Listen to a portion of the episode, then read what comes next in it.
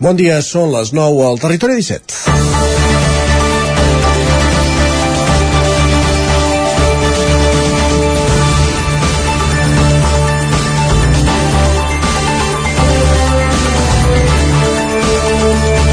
Els pressupostos de la Generalitat, que ja han començat la trimitació parlamentària, continuen generant debat i controvèrsia política més enllà dels suports que rebran al Parlament o de recollir infraestructures com el quart cinturó, l'ampliació de l'aeroport del Prat i el Hard Rock Café.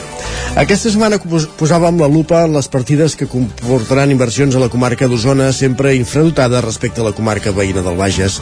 Si bé aquí, segurament, pel corrent polític que governa el eh, Consell Comarcal i els principals ajuntaments, ningú alça la veu, al Ripollès sí que comencen a fer-se sentir els que lamenten que un any més el 68% dels diners previstos pel Ripollès, 68%, siguin per les estacions d'esquí de Vallter 2000 i Vall de Núria. S'han sentit crítiques de la CUP a la plataforma Històrics Jocs Olímpics, però també d'Unió de Pagesos. Raquel Serrat, ramadera de Pardines, considera que els pressupostos reflecteixen un model de país i lamenta els dèficits del Ripollès en matèria de sanitat, ensenyament o infraestructures. Serrat recorda que les pistes d'esquí donen feina, però només a un determinat col·lectiu que és que més és temporal i efímer i que l'economia de la comarca no es pot basar en un sol sector.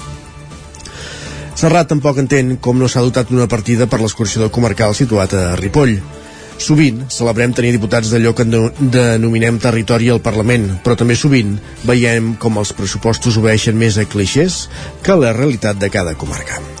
És dijous 9 de març de 2023, en el moment de començar el Territori 17 a la sintonia de Ràdio Cardedeu, la veu de Sant Joan, Ona Codinenca, Ràdio Vic, el 9 FM, i també ens podeu veure, ja ho sabeu, a través del 9 TV, Twitch i YouTube.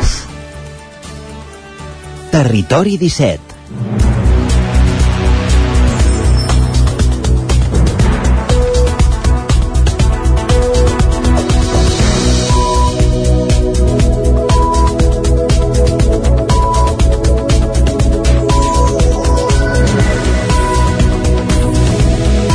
Dos minuts passen ara mateix de les 9 del matí d'aquest dijous 9 de febrer de 2023 en el moment de començar el Territori 17, el magazín de les comarques del Vallès Oriental, l'Osona, el Ripollès i el Moianès, que us farà companyia des d'ara fins al punt de les 11. Amb què? Doncs ens ho, us ho avancem tot seguit. Us avancem els continguts del Territori 17 d'avui dijous en aquesta primera mitja hora ens dedicarem a abordar les notícies més destacades de les nostres comarques en connexió amb les diferents emissores del territori 17. També farem un cop d'ull a la previsió del temps. De fet, qui la farà és en Pep Acosta, des d'Ona Codinenca, un dia més.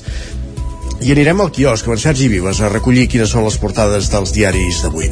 A partir de dos quarts de 10 pujarem al tren a l'R3 a la Trenc d'Alba amb l'Isaac Muntades des de la veu de Sant Joan recollint les cròniques dels oferts usuaris de la línia R3, de la línia Barcelona-Vic, Ripoll-Puigcerdà i a l'entrevista anirem fins a Cardedeu per parlar del Vall de Gitanes, recuperat l'any 2019 en companyia com cada dia d'en Pol Grau des de Ràdio Televisió Cardedeu. Eh, no ens mourem de Cardedeu per anar a la plaça, l'espai de nova economia que cada setmana ens acosta la Maria López, a 11.cat, i avui parlant del 14 de febrer, una altra excusa per comprar dels defensors del gran consumisme. Ja va, arribarem al punt de les 10 amb música i a les 10 notícies, les més destacades de les nostres comarques, la previsió del temps i a la Foc Lent, altre cop des de Ràdio Televisió Cardedeu, en Pol Grau ens descobrirà alguna nova proposta gastronòmica. A la darrera mitja hora del programa ens endinsarem al món de Twitter com cada dia amb en Guillem Sánchez i en el món del cinema. Avui és dijous, per tant, toca repassar la cartellera de les sales de casa nostra, saber quines són les estrenes i ho fem com cada setmana amb en Joan Garcia i en Gerard Fosses des de la veu de Sant Joan. I acabarem el programa com cada dijous amb algunes recomanacions de sèries que podem veure a les plataformes. Aquest és el menú del Territori 17 que ara comença ara mateix quan passen 4 minuts de les 9 del matí, al magazín de les comarques del Vallès Oriental, Osona, el Ripollès i el Moianès.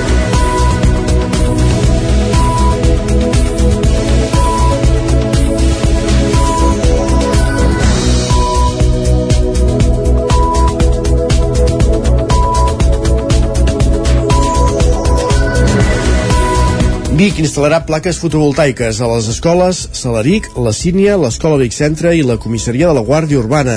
Així ho ha decidit per unanimitat el ple de l'Ajuntament celebrat aquesta setmana. Sergi Vives. Aquest projecte suposarà una inversió de 400.000 euros i amb una total probabilitat no començarà a executar-se fins a la legislatura vinent. Un punt que, malgrat comptar amb el suport de l'oposició en bloc, l'equip de govern va acordar amb Esquerra Republicana. La seva portaveu, Maria Balasc, va celebrar el punt, però va demanar celeritat al govern d'Anna R. Demanaríem des de l'oposició que, ens, que ens ho creguéssim, que ens ho creguéssim de, de debò i que busquéssim el finançament. Ara tenim fons europeus que ho hem d'aprofitar i per tant no ens podem quedar enrere. Ens dona la sensació que, que anem fent, però anem fent massa a poc a poc. Un punt que també va comptar amb el suport de la regidora no adscrita Carmetena i de Capgirambic. Un vot a favor no exempt de crítica per part dels anticapitalistes que van demanar al govern perquè eh, cap d'aquests quatre projectes té una partida pressupostària assignada. Carla Dinares. Fa tres mesos van aprovar uns pressupostos on no es van tenir en compte aquests projectes Uh, els donem les gràcies d'Esquerra perquè segurament si no fos per vostès uh, doncs això no estaria sobre la taula per tant benvingut sigui però fent el punt de que no hi ha hagut el, en, entendre per nosaltres un criteri polític a darrere per tirar això endavant no va ser fins al torn de pregs i preguntes que els republicans van preguntar per l'estat del projecte que va que ha d'unir Vic i Manlleu a través d'un carril bici. Un projecte que va començar a plantejar-se l'any 2017, que la Diputació va recuperar l'any 2020, però que a dia d'avui encara no s'ha desbloquejat. Segons els republicans, el projecte fa mesos que és a mans de l'Ajuntament de Vic. Des de l'equip de govern, però, Albert Castells ho desmentia. La resposta, em reitero, jo personalment, que també estic al Consell Comarcal i Consell Comarcal, he anat eh, indagant, no, actualment no sé qui té encallat aquesta proposta. Encara al torn de pregs i preguntes, Capgirem Vic demanava a l'equip de govern quin criteri s'ha seguit per instal·lar cartells publicitaris de la universitat a totes les entrades de la ciutat. Una actuació que ha sorprès els anticapitalistes que ara fa un any van proposar que a totes les entrades de la capital usonenca hi haguessin rètols amb un missatge contrari a les violències masclistes i LGTBIQ-fòbiques. Uns rètols que, segons Marc Camacho, encara esperen. Escoltem a Jordi Arimany, regidor d'Universitat i Camacho. I no és un criteri de és un criteri d'identitat, que és molt diferent, no? Un orgull de ciutat que som universitat. I té molt a veure, i és totalment equiparable, enorgullir-se d'una ciutat universitària i enorgullir-se d'una ciutat feminista i en plor dels drets LGTBI+. Tot plegat amb una sessió ordinària que va tenir 57 minuts de durada una hora justa, ventilen les coses ràpides de l'Ajuntament de Vic. Més qüestions. Recuperem encara la informació de la nevada, perquè és moment de fer un cop d'ull a, a l'endemà, a les hores successives als efectes del temporal. Els nuclis d'Espinavell i Faber de Molló s'han passat 19 hores sense electricitat per la nevada. Isaac Montades, la veu de Sant Joan. El fort temporal de neu de dimarts, que va deixar gruixos de fins a 30 centímetres a Molló, també va provocar que els nuclis d'Espinavell i Faber d'aquest municipi es quedessin sense subministrament elèctric durant 19 hores, des de les 5 de la tarda de dimarts a gairebé les 12 del migdia de dimecres. L'alcalde mollonenc, Josep Coma, explicava que a partir del dimarts al migdia ja van notar petites interrupcions del subministrament en què la llum marxava uns 20 o 30 segons i tornava. Fins i tot, a Molló van tenir un tall de llum que va durar uns 40 minuts a les 5 de la tarda. Espinavell, Faber, Ginestosa i altres pobles de la vall com Camprodon o Llanàs encara no tenien electricitat a les 7 de la tarda. Bueno, llavors és quan vam donar l'avís a Endesa que hi havia part del terme municipal que no hi havia llum. Llavors també vaig ser conscient que Vilallonga, Llanàs, Camprodon, Rocabruna, Veget, que aquests també estaven sense llum. Mentre que Molló el poble en tenia. I els voltants del poble, aquestes cases de pagès dels voltants del poble, en tenia. Però tota la resta, Rocabruna, Veget, Camprodon, eh, Vilallonga, Llanàs, Espinavell, Faber, tot això estaven sense. Bueno, pel que sé la matinada han pogut reparar una part de la línia i ja han tingut electricitat Camprodon, Veget, Llanàs, tot aquest sector, però ha quedat un tram entre Molló i Espinavell amb un aïllador doncs, que ha pecat o no sé què ha passat exactament i és el que ha provocat que en el cas d'Espinavell i Faber no hagi tornat el llum fins avui a les 12 del migdia. Una de les afectades per aquest tall elèctric va ser la propietària del restaurant Can Jordi d'Espinavell, Eva Martínez Picó. Sortosament, el seu establiment només obre de dijous a diumenge, però sí que va patir per les càmeres, neveres i congeladors on guarden el menjar, per si es trencava la cadena del fred. El fet de no obrir-ho i el fred que feia evitar que fos pitjor la situació. Martínez Picó, que viu amb la seva parella, té la casa sobre el restaurant i assegurava que tot i no tenir calefacció, a l'interior de la casa no van baixar d'entre 11 i 13 graus de temperatura, perquè van fer una inversió en finestres i la calor es conserva bé. A més a més, les cases de la zona solen tenir estufes de llenya i hi ha gent que té làmpades de camping gas. També van poder cuinar, ja que la seva cuina funciona amb gas, mentre que el seu pare, que viu en una casa al costat, sí que és elèctrica. A Espinavell també van estar sense cobertura de telefonia mòbil. Picó explicava la seva experiència.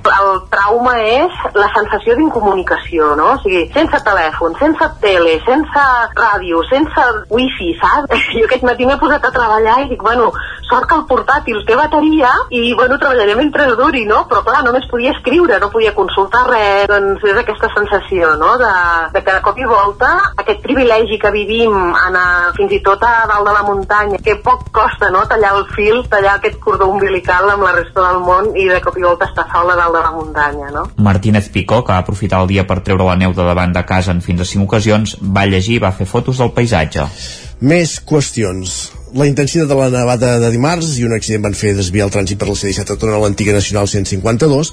Malgrat que l'Ajuntament havia pres totes les mesures, el poble va quedar col·lapsat per l'alt volum de vehicles. La C-17 va estar col·lapsada durant 4 hores des del migdia fins a dos quarts de set de la tarda. Els vehicles es van haver de desviar per dins de Tona, fet que va provocar que es quedessin atrapats durant una estona. Ho va explicar el regidor de Seguretat Ciutadana, Josep Vall de Oriola. un dels principals eh, problemes que hi van haver és en el moment que tallen la C-17 va haver un accident el que es fa és desviar un gran volum de vehicles pel, pel centre del poble, en aquest cas per l'antiga Nacional 152, pel terme municipal de Tona, i aquí és on coincideix eh, la nevada intensa del migdia, eh, que inicialment era aigua, però com que va augmentar d'intensitat va començar a acumular gruixos, desvien tots els vehicles i, i aquí és on es va crear una mica d'enrenou de, de, a l'antiga Nacional 152, bàsicament perquè van entrar un volum de cotxes que no estem acostumats que entrin amb la previsió de nevada a, cotes baixes, des del consistori ja estaven preparats i havien escampat sal pels carrers, encara que no preveien haver d'absorbir un, un volum tan gran de vehicles. La tranquil·litat de dimecres i avui contrasten amb les imatges de dimarts a la tarda. Vall d'Oriola vam reforçar amb agents de policia en les principals rotondes del municipi que sí, vam vehicles entrevessats eh, bueno, bàsicament perquè eh, a la plana no estem, no estem preparats eh, en aquest sentit i només fa falta un parell de vehicles que, que, que tinguin algun problema perquè realment hi hagi rebombori de més a banda de l'afectació en el trànsit, una de les primeres accions que van fer des de l'Ajuntament va ser activar els protocols als centres educatius perquè recollissin els alumnes. A la Nevada Tona, segons el Meteocat, s'hi van acumular gruixos de fins a 4 centímetres de neu i a Muntanyola van arribar gruixos de 30 centímetres. L'Ajuntament va activar el Pla Nucat i també ha fet una declaració d'emergència per poder recuperar part del cost econòmic que es derivarà de la nevada, Sergi. La neteja dels accessos a les cases dels veïns de més edat centrava ahir els esforços de l'Ajuntament de Muntanyola després de la nevada que ha deixat gruixos d'entre 10 i 30 centímetres de neu. Un dels veïns afectats ha sigut Félix Toledo. Y no hemos quedado aislados. Y mañana tenemos que salir porque tenemos médico entonces, claro, aunque tengamos 4x4, pero no podemos salir. Entonces, gracias al ayuntamiento ha venido y, y ha limpiado la, la carretera. L'alcalde Carles Morera ha explicat quin és el protocol que van seguir quan neva a Muntanyola són nevades importants, les rampes són llargues, eh, gent de 70-80 anys els hi és complicat, doncs nosaltres els truquem, els hi fem doncs, una mica de seguiment, si necessiten o no eh, poder netejar el que és l'accés la, a casa seu. Amb la nevada algunes carreteres de Muntanyola van quedar afectades. És per això que l'Ajuntament va activar tres vehicles per pujar els veïns que hi havien quedat atrapats. Carles Morera vam activar en primer lloc el, el rescat de la gent a les carreteres, diguem-ho d'aquesta manera. Uh, activem uh, tres uh, vehicles, tres 4x4, que es dediquen exclusivament doncs, a, a treure la, a treure i a rescatar la gent i portar-los al lloc. No? Aquí tenim una comunicació directa entre tots nosaltres per poder-ho dur a terme i també vam informar amb els veïns uh, pel canal d'informació municipal que tenim via WhatsApp que tots aquells veïns i veïnes que vinguessin d'accedir al municipi ho fessin per la carretera de Santa Eulàlia però amb la seva part baixa, que no pugessin, que deixessin el cotxe ben estacionat, que hi ha una zona que es pot estacionar bé i que allà els aniríem a buscar. En altres municipis osonencs on va caure més neu, com Rupit i Pruit o Cantoni Gros, ahir s'hi va estar treballant per netejar camins i en el cas de Cantoni Gros també als carrers on es va tirar potassa. Més qüestions al centre obert Viumont de Sant Feliu de, de Caldes de Montbui, volem dir, perdó, ja funciona plenament a les noves instal·lacions situades a les cases dels mestres. Roger Ram, zona codinenca. Les noves instal·lacions suposen un salt qualitatiu respecte a l'espai del que disposaven abans en una de les antigues cases dels mestres. Ara, amb la reforma, el centre disposa d'un equipament molt més acollidor i preparat per dur a terme les activitats habituals. El regidor de Serveis Socials de Caldes de Montbui, Josep Busquets, ho valora així. Des de la regidoria de Serveis Socials estem molt contents de com ha quedat el, el nou espai pel Centre Obert Buimont. Eh, trobem que és un espai ampli, eh, és un espai acollidor, i sobretot preparat per, doncs, per dur a terme totes les activitats que, que es realitzen als, als infants i adolescents. D'altra banda, eh, podem dir que, que el, el projecte de Centre Obert és un dels projectes eh, de més èxit de, de, de l'Ajuntament de Caldes. El Centre Obert Buimont és un servei municipal d'intervenció socioeducativa que té com a funció principal atendre infants i adolescents del municipi, prioritzant l'atenció d'aquells que estan en situacions de risc socials i de les seves famílies. Actualment atén una trentena d'infants i adolescents del municipi d'entre 6 i 16 anys. A través del treball tant individual com en grup s'ofereix un espai d'estudi amb reforç escolar i foment de la lectura on es treballen els hàbits dels infants i de les seves famílies i es duen a terme xerrades i tallers d'àmbits diversos. El centre va començar a funcionar a la dècada dels anys 80 com un centre d'informació jove i posteriorment al curs 92-93 per tal de donar resposta a les necessitats ciutadanes de Caldes es va acabar convertint en el servei actual. Canovelles comprarà un solar de 3.000 metres quadrats per fer un nou cap i 50 pisos de lloguer social. Pol Grau, Ràdio Televisió, Cardedeu. L'Ajuntament de Canovelles ultima la compra d'un terreny d'uns 3.000 metres quadrats entre els carrers Rec, Segle XX i Avenir i al límit amb el terme de Granollers per construir un nou ambulatori i dos edificis que sumaran uns 50 habitatges de lloguer social. El preu del solar s'ha establert en uns 430.000 euros més IVA.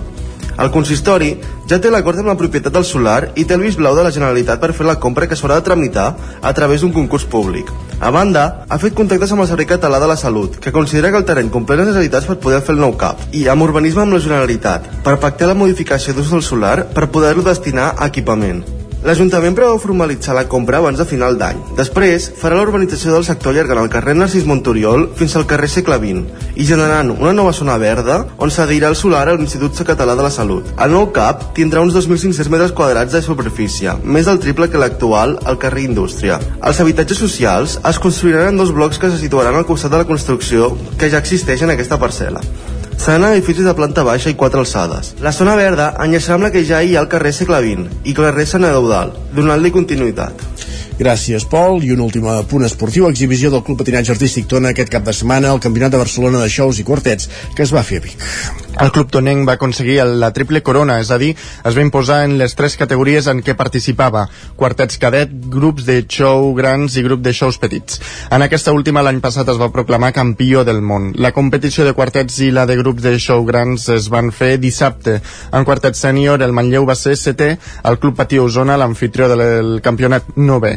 En shows grans, a més de la victòria del Tona, destaca la tercera posició del Folgueroles. Diumenge es van fer les competicions dels grups de show petits i júnior. En shows petits el Tona va quedar primer, el Roda quart i el Santa Eugènia de Bergas setè.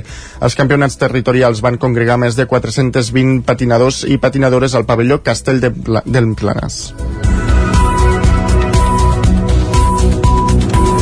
I acabem aquí aquest repàs informatiu que començàvem al punt de les 9 en companyia de Sergi Vives, Pol Grau, Roger Rams, Isaac Muntades. Moment al territori 17 de saludar també en Pep Acosta.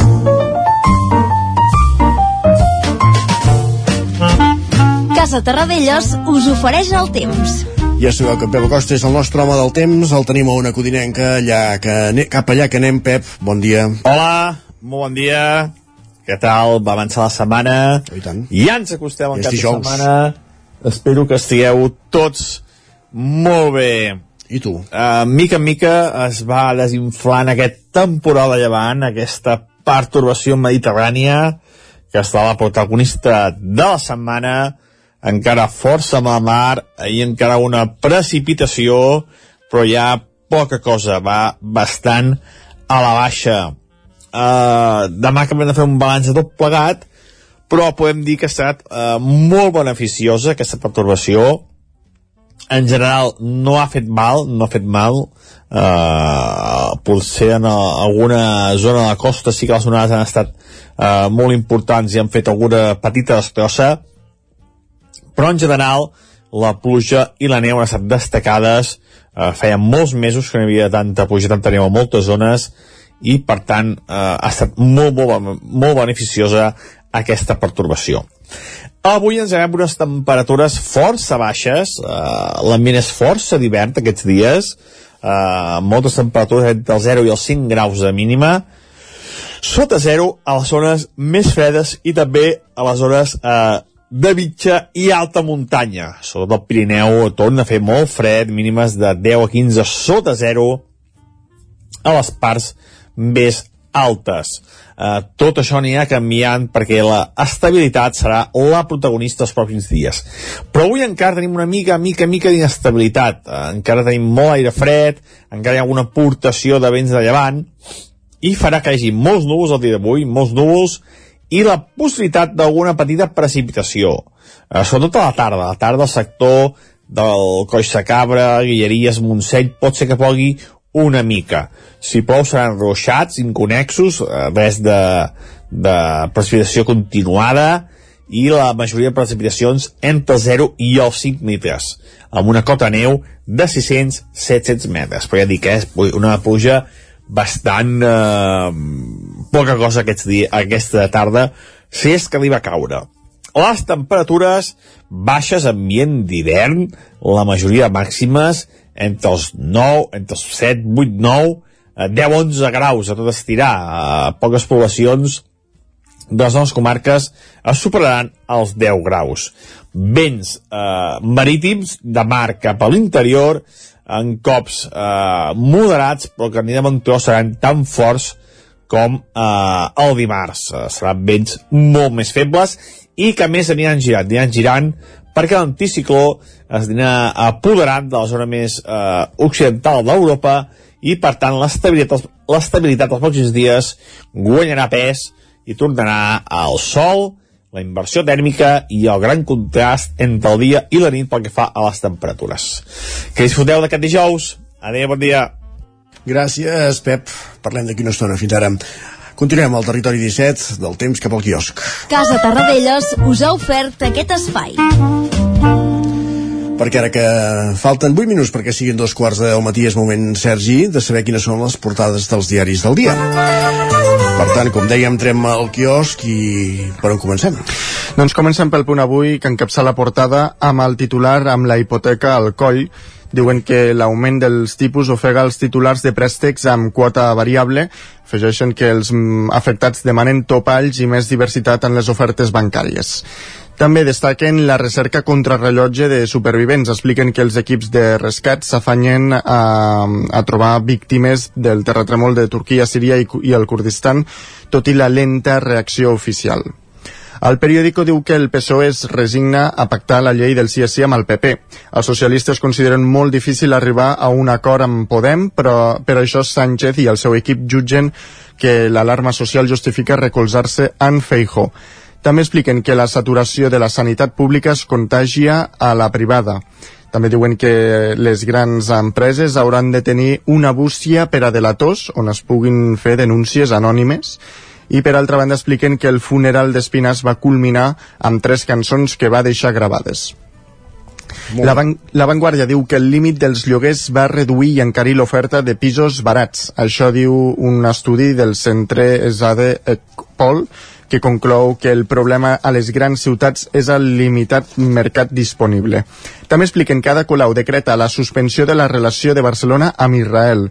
Diuen que l'alcaldessa evita portar la decisió al ple municipal, on hauria estat rebutjada, i el PSC anuncia una, una moció per revocar-la.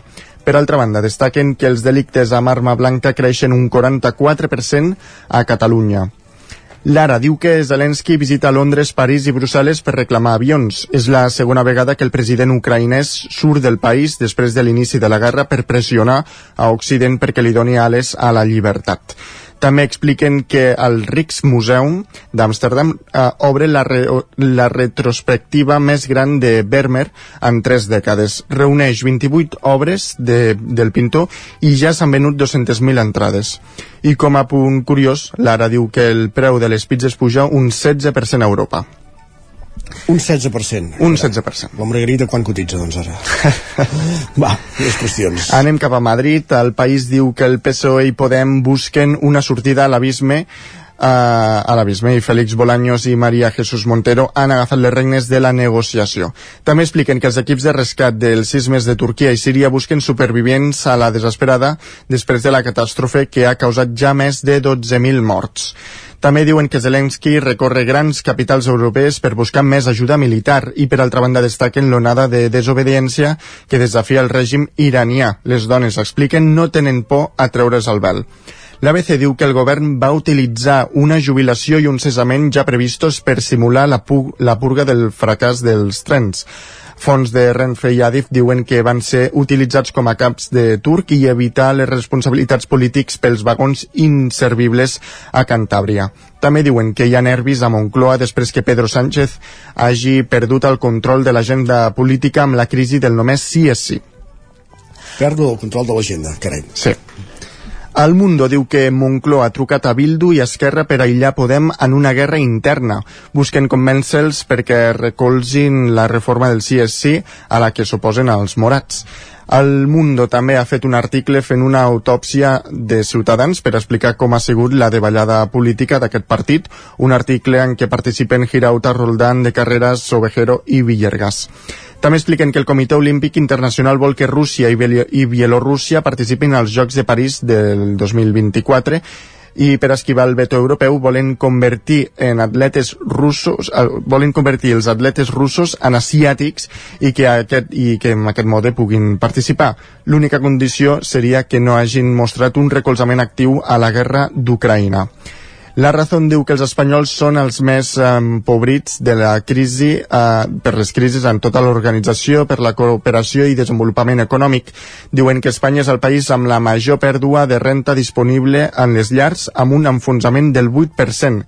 Per altra banda, i amb això acabem, expliquen que la selectivitat del 2024 serà més subjectiva i tindrà fins a tres revisions selectivitat més subjectiva i amb tres revisions. Ho veurem, ja ho veurem. Quan, quan es posi la pràctica i què vol dir tot plegat.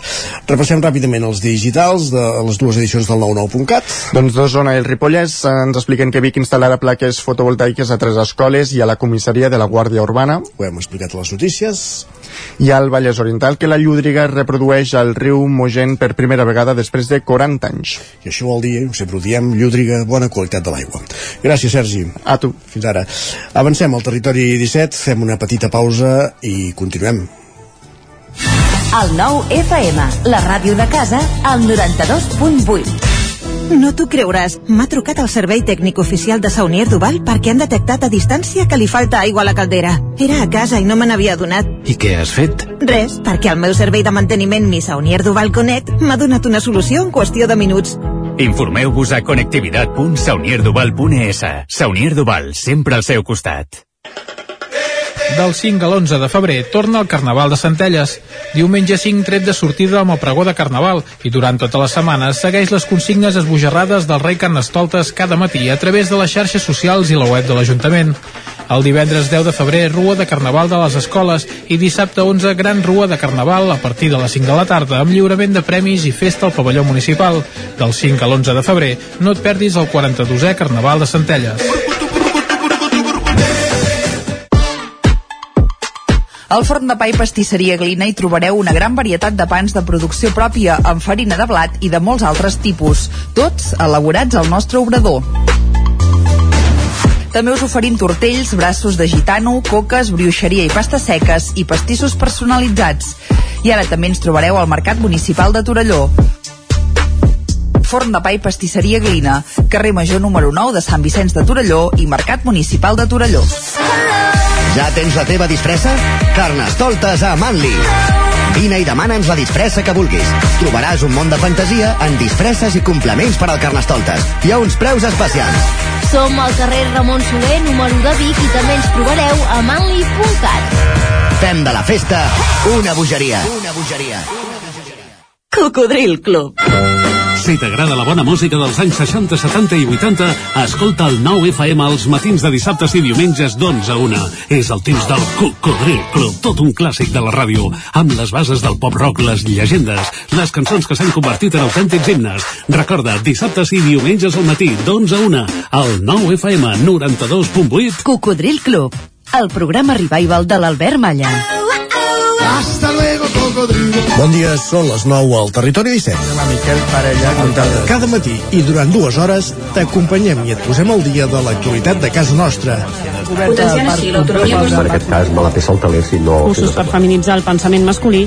Territori 17, el magazín matinal d'Osona, el Moianès, el Ripollès i el Vallès Que Oriental. la meva àvia de 93 El nou anys... FM, el nou TV, el 99.cat i també els nostres canals de Twitch i té YouTube. demà per fer-se un tatuatge. Cada matí, Territori 17. Ole. Anuncia't al 9FM. La ràdio de casa. 9 3 8 8 9 4 9 4 9 Publicitat arroba al 9FM.cat. Anuncia't al 9FM. La publicitat més eficaç. Territori 17.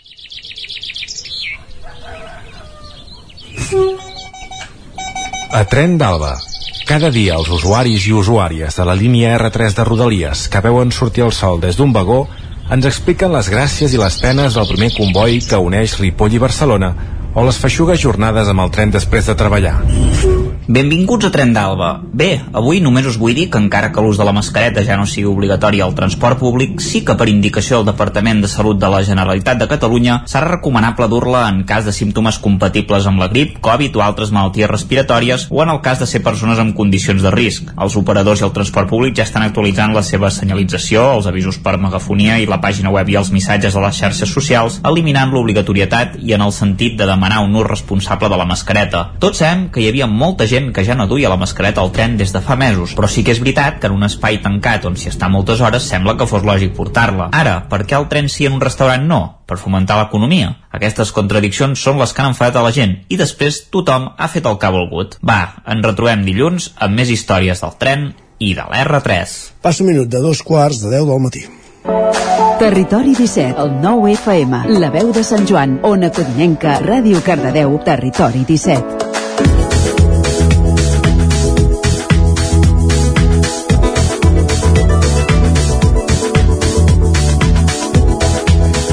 L'any 2019, Cardedeu recuperava el Ball de Gitanes, una tradició perduda des de feia gairebé un segle. I és que la primera ballada al poble data del Carnaval de 1884. Actualment la colla compta amb gairebé una quarantena de parelles i balladors, i és que per això i és per això que avui tenim els estudis de Ràdio Televisió Cardedeu al costat d'en Pol Grau, a la Gemma Bel i l'Aniol Guillemont per parlar sobre el que podrem veure aquest diumenge a la plaça de Sant Joan de Cardedeu. Pol Grau, benvingut, bon dia. Bon dia. Doncs sí, av- avui nosaltres tenim aquí a la Gemma i l'Aniol, de la colla d'aquí Cardedeu. Bon dia, com esteu? Bon dia, Pol, estem molt bé.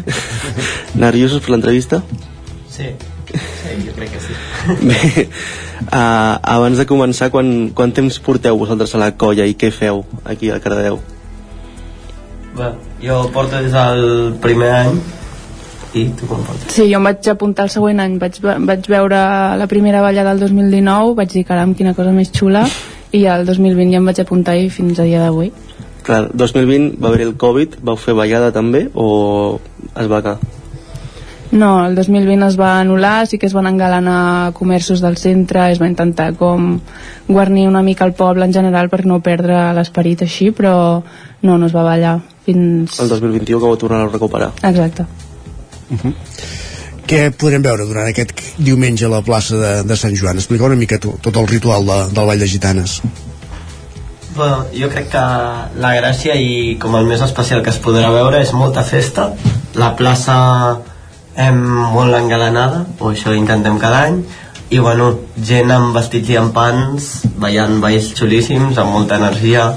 A més a més, bueno, crec que tenim dues sorpreses aquest any, bueno, dues sorpreses, dues novetats, que ara ens comentarà la Gemma. Sí, sí, tot comença amb una cercavila a un quart de dotze, si no ho dic malament, que surt des del casal d'avis i llavors ja la ballada en si comença a les 12 del migdia i, i bueno, ja surten diferents personatges i es fa, bueno, es fa tot l'espectacle, diguéssim. És, eh, bueno, sí, les novetats d'aquest enguany també feu la, el ball de la polca no sé si també és novetat d'aquest any com, com us heu preparat a, a aquest nou ball. Bueno, sí, el, la polca és, un, és una novetat d'aquest any que, bueno, mm, l'objectiu de Gitanes també portem això 4 o 5 anys, però és anar eh, afegint balls eh, i la polca doncs, és una novetat d'aquest any que bé, ens ha donat el temps just com per preparar-nos-el i, i sí, llavors és la música i el, la coreografia és mm, només de Cardedeu i no, no en trobarem cap altre lloc d'igual però l'estil és el mateix que és una polca sí. Quanta gent formeu part de, de la colla i expliqueu una mica com, com funcioneu quan, no sé si més enllà de l'actuació d'aquest diumenge en relació, lligada al, al, a, la dat, a les dates de, de Carnaval feu altres actuacions durant l'any les músiques que ara eh, comentava comentava Gemma que, que són exclusives que en aquest cas de la polca és exclusiva pròpia eh, qui les composa, s'interpreten en directe una mica com, com funciona tot plegat? Bueno, Uh, com has dit tu, som, això, aquest any crec que som 36 parelles. Uh -huh. i això seria com el, com el cos de dansa. I llavors anem, anem quedant des de mes d'octubre aproximadament. Ens anem veient tots els diumenges a la tarda a la, al, de moment al pavelló de, de l'escola Graners.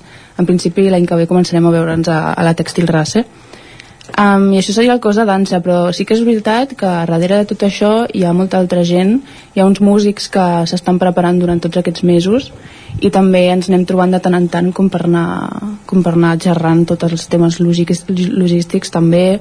Acaba de quadrar això, la, la polca nova i això. I, i bueno, i després com preparar tot el dia de la ballada també té molta feina, molta gent que ha de venir a, això, a sonoritzar, a posar a, a l'escenari i bueno, moltes gestions, la veritat, moure, moure mobiliari urbà perquè hi capiguem i, i sí, sí. També dins de la colla tenim com comissions que gestionem com cada comissió tot pot apuntar voluntàriament a una comissió i cada comissió gestiona coses diferents que si vestuari, ball va. Hi ha diverses comissions i després fins i tot hi ha comissions on hi ha gent que no balla però que vol donar el seu granet de sorra. Sí, sí, cert, les comissions són molt, molt, molt, molt importants. Sí, sí, hi ha la comissió de vestuari, la comissió de, de dansa, per exemple jo estic a la comissió de dansa que ens anem preparant cada assaig com explicarem cada ball, depèn de com veiem els balladors com van fent. Uh, comissió de festa, comissió de decoració, comissió de... aquest any la comissió de gitanet, de gitanetes que ara en parlarem si voleu um, i bueno, això, tot ple de comissions per tot arreu la, la comissió de gitanetes, això que has explicat, que, que és? Gitanetes ha sortit um, aquest any una mica perquè ja teníem ganes de fer uns anys d'això, d'anar innovant i, i teníem ganes de, també pels propis eh, nens i nenes que ja en tenien moltes ganes sobretot de fills i filles o familiars de balladors que sovint venen als assajos i ens veuen i, i bueno, com que és tan alegre ells també tenen moltes ganes de ballar. I entre que ells tenien moltes ganes, nosaltres també, perquè és, altres pobles de per aquí al voltant doncs, també ho fan, que nens i nenes ballen gitanes, doncs aquest any hem intentat doncs, engegar aquest projecte i però de moment aquest any és com una declaració d'intencions, fem una cosa molt breu per ensenyar-ho al poble i ja sí que l'any que ve la intenció és obrir-ho i ja començar-ho a complicar tot i, i fer balls, en principi després s'ha d'acabar de parlar Clar, perquè qui es vulgui apuntar o vulgui fer gitanes, com, com ho ha de fer per, per, per apuntar-se? Doncs per apuntar-se hi ha diferents maneres. Mm, jo crec que la més fàcil és Instagram. I tenim un Instagram que es diu Gitanes Cardedeu. Allà es pot escriure. També funcionem molt per correu, que ara si em preguntes quin és el nostre correu, doncs punxaré. A Instagram, punxaré. Instagram, ahí està. Instagram estem, sí, sí. O el dia de la ballada ens veniu a preguntar i, i allà us ho direm. Sí, sí. Uh, I això, bueno, que els diumenges ens trobareu on, on estiguem assajant, així que si algú us vol apropar i dir, ei, comentàvem això, que l'any 2019 es va recuperar aquest ball que s'havia perdut eh, a Cardedeu eh, què va ser el que us va impulsar diguéssim, no? a, a la recuperació era, era important poder recuperar aquesta tradició? Mm, sí, jo crec que bueno, eh, crec que com a Cardedeu els últims anys hi ha hagut intenció de, re de recuperar balls antics també es va recuperar l'Espolsada que és un ball que es balla per festa major. I crec que Cardedeu és com un poble com molt vinculat a la seva bueno, a la cultura però que en els últims anys era com difícil trobar una cultura molt arrelada aquí, doncs la majoria s'havia perdut i a més teníem molts balls tradicionals que com bé, per la dinàmica que havia agafat el poble s'havien perdut i gent de diverses entitats culturals que hi havia al poble com s'han anat unint i han anat fent la recuperació aquesta històrica que d'alguna manera o d'una altra també han anat molt donada de la mà de la recuperació històrica que s'està intentant fer de Cardedeu. Vull dir, en els últims anys han sortit molts llibres parlant sobre Cardedeu eh, tant el modernisme i el noucentisme com, eh, a, com just posterior a, a la Guerra Civil o fins i tot anterior a la Guerra Civil tota aquesta petita història no tan llunyana però que s'ha perdut i que crec que ha sigut això, l'interès per aquesta cultura d'arrel del nostre poble i a la vegada l'interès per les danses tradicionals el que ha promogut això. I jo, jo espero que, que segueixi mantinguent per molts anys i que ja no s'hagi de tornar a recuperar. Clar, aquí l'heu recuperat a Caradeu el 2019 vau començar, no sé si abans el 2019 feia algun altre ball de gitanes vosaltres a algun altre poble. Jo personalment no, he començat amb ball de gitanes aquí a Cardedeu però sí que l'Aniol sí que té avantpassats.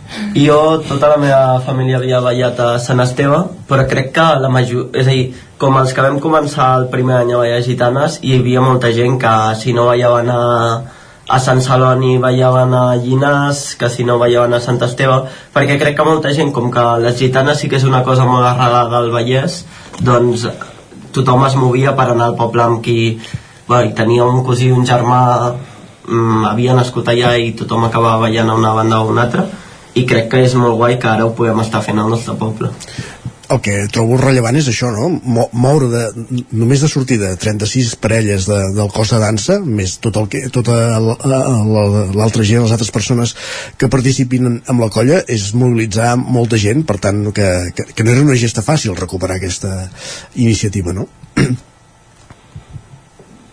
Mm, no, no, sí que és cert que és complicat. A vegades els assajos costa de coordinar tothom, que tothom fem silenci, um, però bueno, també la Pili, sobretot que és qui porta més la batuta, el, els dies d'assajos doncs ho fa estupendament i té, i té molta paciència i també l'altre hàndicap de ser tanta gent és que cada vegada acabem menys a la plaça i hem hagut de fer malabars aquest any com per, per, caber, per caber-hi tots i, i bueno, ja veurem si què passarà l'any que ve. Ens agrada molt la plaça, la plaça Sant Joan de Cardedeu ens agradaria mantenir-ho allà però bé, no sé, si no hi cabrem doncs haurem de, de mirar com ho fem Ara, 36 parelles més el públic que vulgui veure-us que mm. s'haurà també de posar-vos allà apretadets per, per entre tots sí. jo, jo crec que part de la gràcia de que puguem muntar una cosa tan gran amb tanta gent és el que hem parlat abans vull dir que al final com que tot funciona per comissions és la pròpia gent que s'implica la que fa que funcioni. Vull dir, moltes vegades jo crec que hi ha moltes gestions que es compliquen amb quanta més gent som, sigui vestuari, sigui doncs això, el propi gestionar l'espai, però que això com que al final ho acaba fent la gent que hi entra a participar, que normalment la gent que hi entra nova és la que està més motivada i que per tant és la que tira més endavant les comissions, clar, és com un, és, és un bucle que s'autoregenera, no? que al final la colla viu perquè mm. perquè la colla viu i som nosaltres mateixos els que ho anem fent sí. mica en mica. Sí, ens gestionem nosaltres els cartells, ens gestionem nosaltres uh, això, aquest any doncs, bueno, ja vam començar l'any passat amb unes, amb unes tote bags, unes bosses il·lustrades per propis balladors que, que es dediquen a això que són il·lustradors um, ens organitzem, aquest any organitzarem un dinar per després de la ballada que també ens el gestionem nosaltres amb, amb el Tarambana llavors és com, si, cada, si algú té una idea la, la porta a terme i tots estem contents i l'aplaudim i tot, tot bé Uh, ja per acabar, uh, abans comentàveu això, que, que heu incorporat una polca aquest any. Uh, quantes peces formen el que és la, el ball, diguéssim? Quants, quants balls feu diumenge, més enllà d'aquesta experiència de, de les gitanetes i, i això, i el que comentàveu abans no sé que, si ara que venen eleccions serà qüestió de començar a demanar una plaça nova als diferents grups polítics diguéssim per, per poder cabre en properes edicions no? doncs, doncs la ballada es composa de diferents, diferents balls i tots s'entrellacen amb una contradansa um, així com per dir-ho més o menys per ordre entrem amb un galop d'entrada um, llavors hi ha una contradansa fem l'entrada de ball després fem la catxutxa, si no m'equivoco, després fem el xotis, fem una parada per una ratafia, Um, després fem la, aquest any farem la polca nova la, aquesta polca després de, de la ratafia. Um, el xotis? Mm, no anava per aquí però bueno, també fem un xotis i un ball pla. La Jota. i la jota dic quantes coses.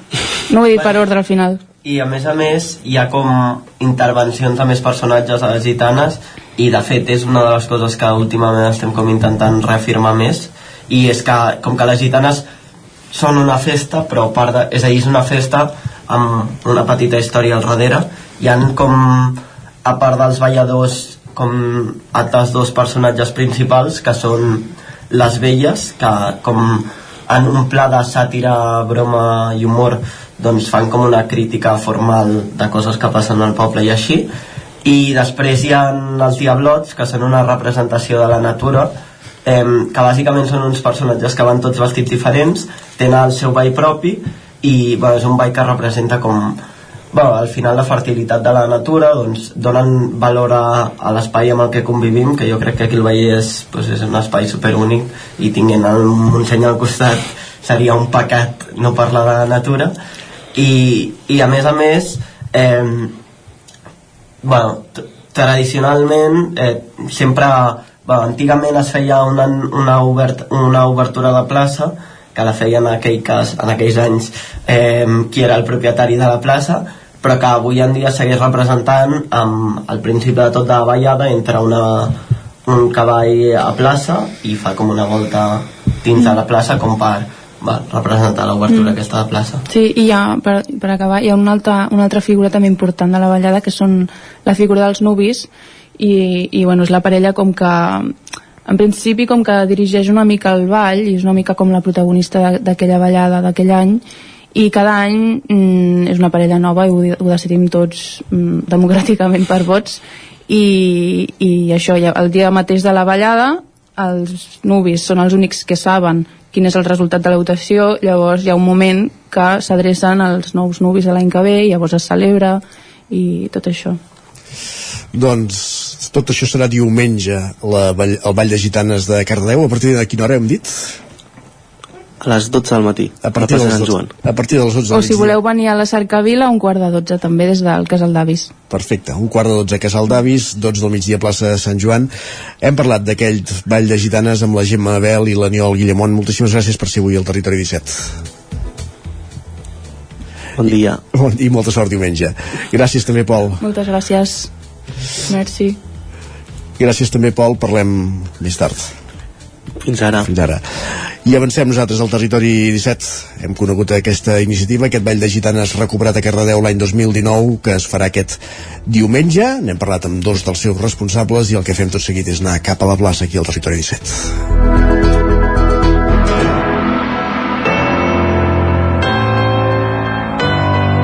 Territori, Territori 17. 17. Territori 17.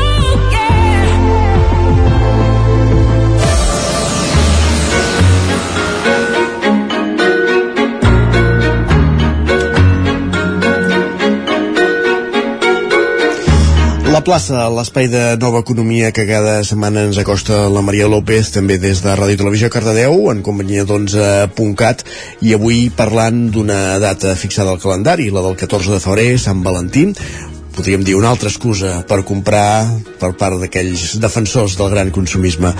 Maria, benvinguda, bon dia.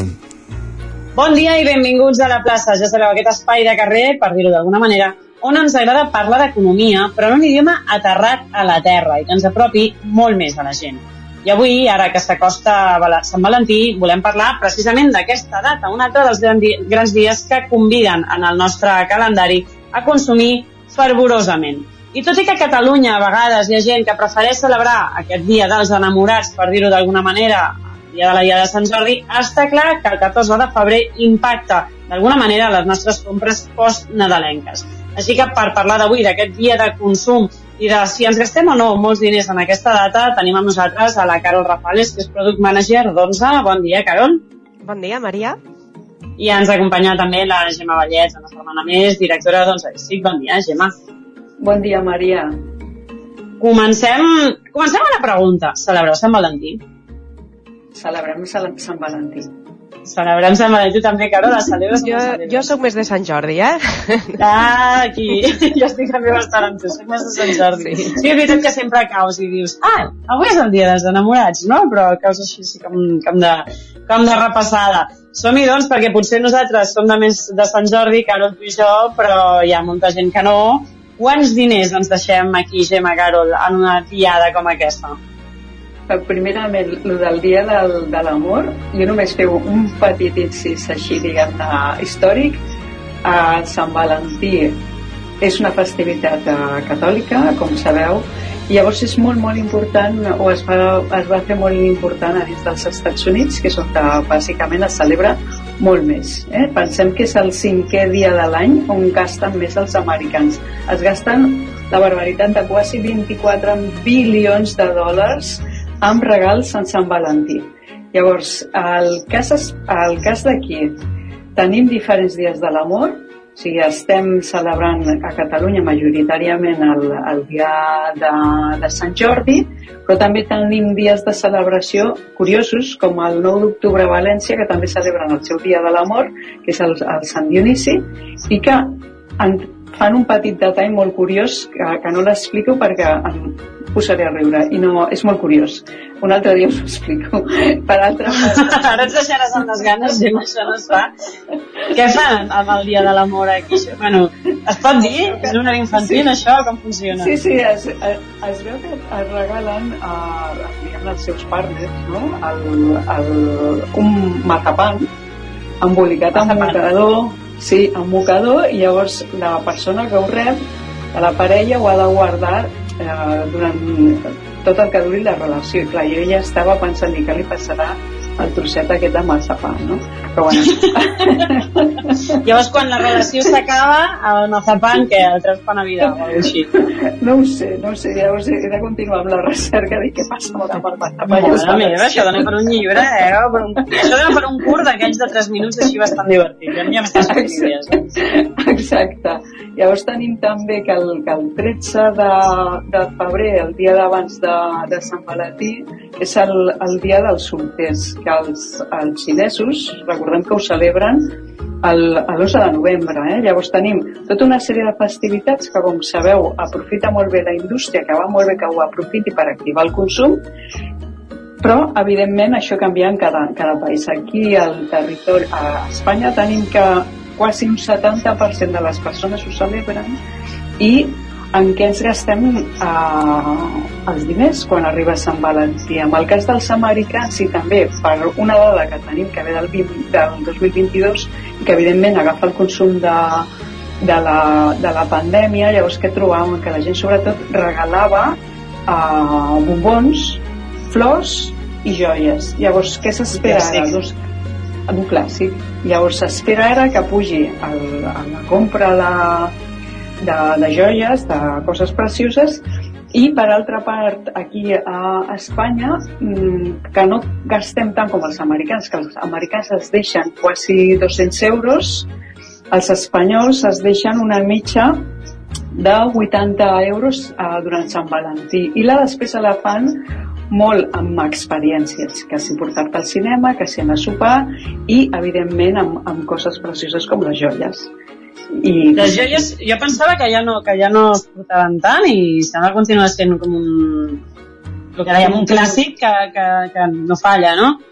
No falla, no falla, i li comentava abans a la Carol de que tenim un indicador molt curiós que no he provat, però que diu que hi ha moviment, que per exemple el que és el, la part de, de Barcelona on es col·loquen la, aquestes botigues com més de luxe, que és la part de, de la Diagonal, doncs ja tenim, hi ha dos uh, uh, obertures de dues marques molt importants en el sector de la, de la joieria, no? que ha passat just ara amb els darrers dos últims mesos, no? que, que és clarament un indicador que, que s'ha reavivat la, la, la part aquesta de les joies. Sí?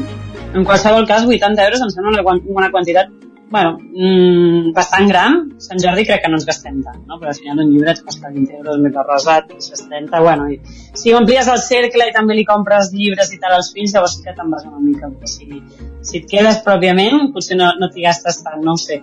En qualsevol cas, amb el nivell d'inflació que tenim actual, que és altíssim, i que els preus no paren de, de pujar des de fa mesos, Uh, la qual cosa significa que nosaltres perdem valor adquisitiu. Què vol dir? Amb aquests diners, diguéssim, no, no ens afecta aquesta inflació d'alguna manera quan arriba una data com aquesta? Home, doncs la veritat és que sí, perquè al final eh, tenim diners, s'ha d'activar el consum, lògicament aquest és un dia que està molt destinat al consumisme, com ja sabem, però clar, ara mateix eh, hem de ser molt, molt conscients del que gastem i en què gastem, perquè realment és el que dius, amb els nivells d'inflació que hi ha, els diners desapareixen quasi sense adonar-nos, perquè al final eh, amb els mateixos diners estem comprant menys coses, no? que és el que, del que es tracta aquesta inflació que estem patint. Aleshores, jo et diria que ara el que hem de fer de cara a la setmana que ve és ser molt, molt, molt conscients i molt responsables amb les nostres compres i, per exemple, tal com apuntava la Gemma, eh, comprar joies és perfecte, no? perquè al final molta gent compra aquestes joies pensant que té un valor futur dins d'aquestes joies, des del valor sentimental, clar. Però jo et diria, com ho podem fer una miqueta més responsable, això? Doncs, per exemple, en més de comprar una joia per regalar, pots comprar una peça d'or, que ve a ser com una joia, però mm, amb un altre format i que d'alguna forma està conservant aquest valor adquisitiu, aquest valor dels diners que tu estàs invertint en aquest regal i que a la llarga eh, et permetrà doncs, recuperar-ho inclús guanyar una miqueta més. Això seria és com si et, regal, et regalen una inversió, no? A mi, home, què vols que et digui? Que em portin el 14 de febrer un lingote, mmm, igual em trasllado i començo a celebrar més el dia 14. no sé, bueno, perquè, escolta, Deixa'm fer un incís que amb, els, amb el nivell mig que han dit que es gasta la gent en aquest dia, potser més que un lingote serà un lingotito. Un lingotito, exacte. Sí, però bueno, que al final ve a ser el mateix, no? O sigui, una joia si és maca perquè portes una pulsera, un collaret, un anell, però al final pues, pot ser un, un lingot petitó d'or o una moneda et permetrà guardar-ho també i dins d'uns anys, si tens alguna necessitat o de cara a la teva família o qualsevol cosa, doncs et permetrà eh, haver conservat aquests diners o aquest valor del diner que tu has invertit en, en aquesta peça. I això no pot ser considerat, o sigui, jo ara m'imagino això, que et facin un regal d'aquest tipus i que amb els anys tu entreguis un rèdit, eh, no és poc romàntic? Um, no ho sé, ah, perquè si pot ser tu amb aquest Reddit, després te'n pots anar a fer un viatget romàntic, doncs... Ah, amic, clar, això és una bona reinversió, o en tot cas, com dèiem abans, quan la, amb el tema del massapà, que quan s'acaba la relació, què fas amb el massapà? Aquí tens claríssim què fer. S'ha acabat, porta allò que em vas regalar, que, ojo, eh? Clar, bé, al final és intentar buscar una miqueta adaptar-te a la situació actual que estem vivint no? perquè dins d'uns anys potser tot això està tot millor i ja et pots permetre doncs, mm, doncs fer aquest viatge amb la parella o tornar a fer unes altres coses que fèiem fa uns anys quan aquests nivells d'inflació no eren tan elevats. Per això ara és doncs... important consumir de forma responsable. Consumim de forma responsable també el dia de Sant Valentí i pensem sempre de, de manera responsable quan fem aquesta, aquesta compra. Carol, Gemma, que passeu molt bon Sant Valentí Gemma, si celebres por todo lo alto, que vagi molt bé. I, Carol, ja ens passarem recomanacions de llocs per Sant Jordi, eh? I tant. Moltes gràcies a totes dues. Ens veiem el proper dijous novament a la plaça. Gràcies. Gràcies, gràcies Maria. Gràcies, Maria. Acabem la plaça eh, i, i arribarem, com cada dia, al punt de les 10 amb música amb música de Ferran Urriols, el que va ser el cantant de Nyandú, ara publica un disc en solitari que porta per títol Plata i Soc és la cançó que estrenava ahir com a segon single amb videoclip inclòs. Soc de Ferran Oriols fins a les 10 al Territori 17. amb poca cosa i de tan ràpid que s'omple al principi em fan nosa. Però em coneixes, no fa igletja res és més, m'agrada créixer i si em dones temps de sobres al final li obro les portes. He trobat el lloc perfecte per aprendre a tornar-me millor siguem oberts, accepta'm tu, t'accepto jo. I per si de casa repeteix ja ho deixo a dins d'una cançó que és com parlo millor. I veure'm en essència tant si estem lluny com a prop sóc més brillant que fosc l'empenta d'una flor. El mal d'un és bé pels dos. I això ens fa més grans i això ens fa més forts i això ens fa l'amor.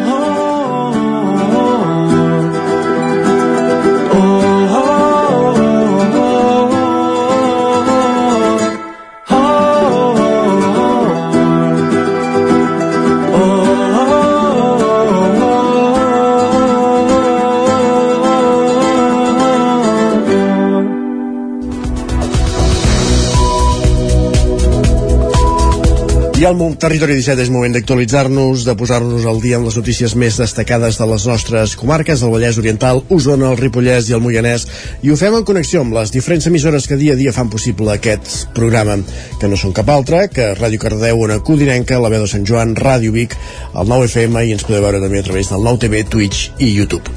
Per explicar-vos aquesta hora que diversos sectors del Ripollès protesten perquè les pistes d'esquí s'enduguin el 70% dels diners dels pressupostos de la Generalitat a la comarca.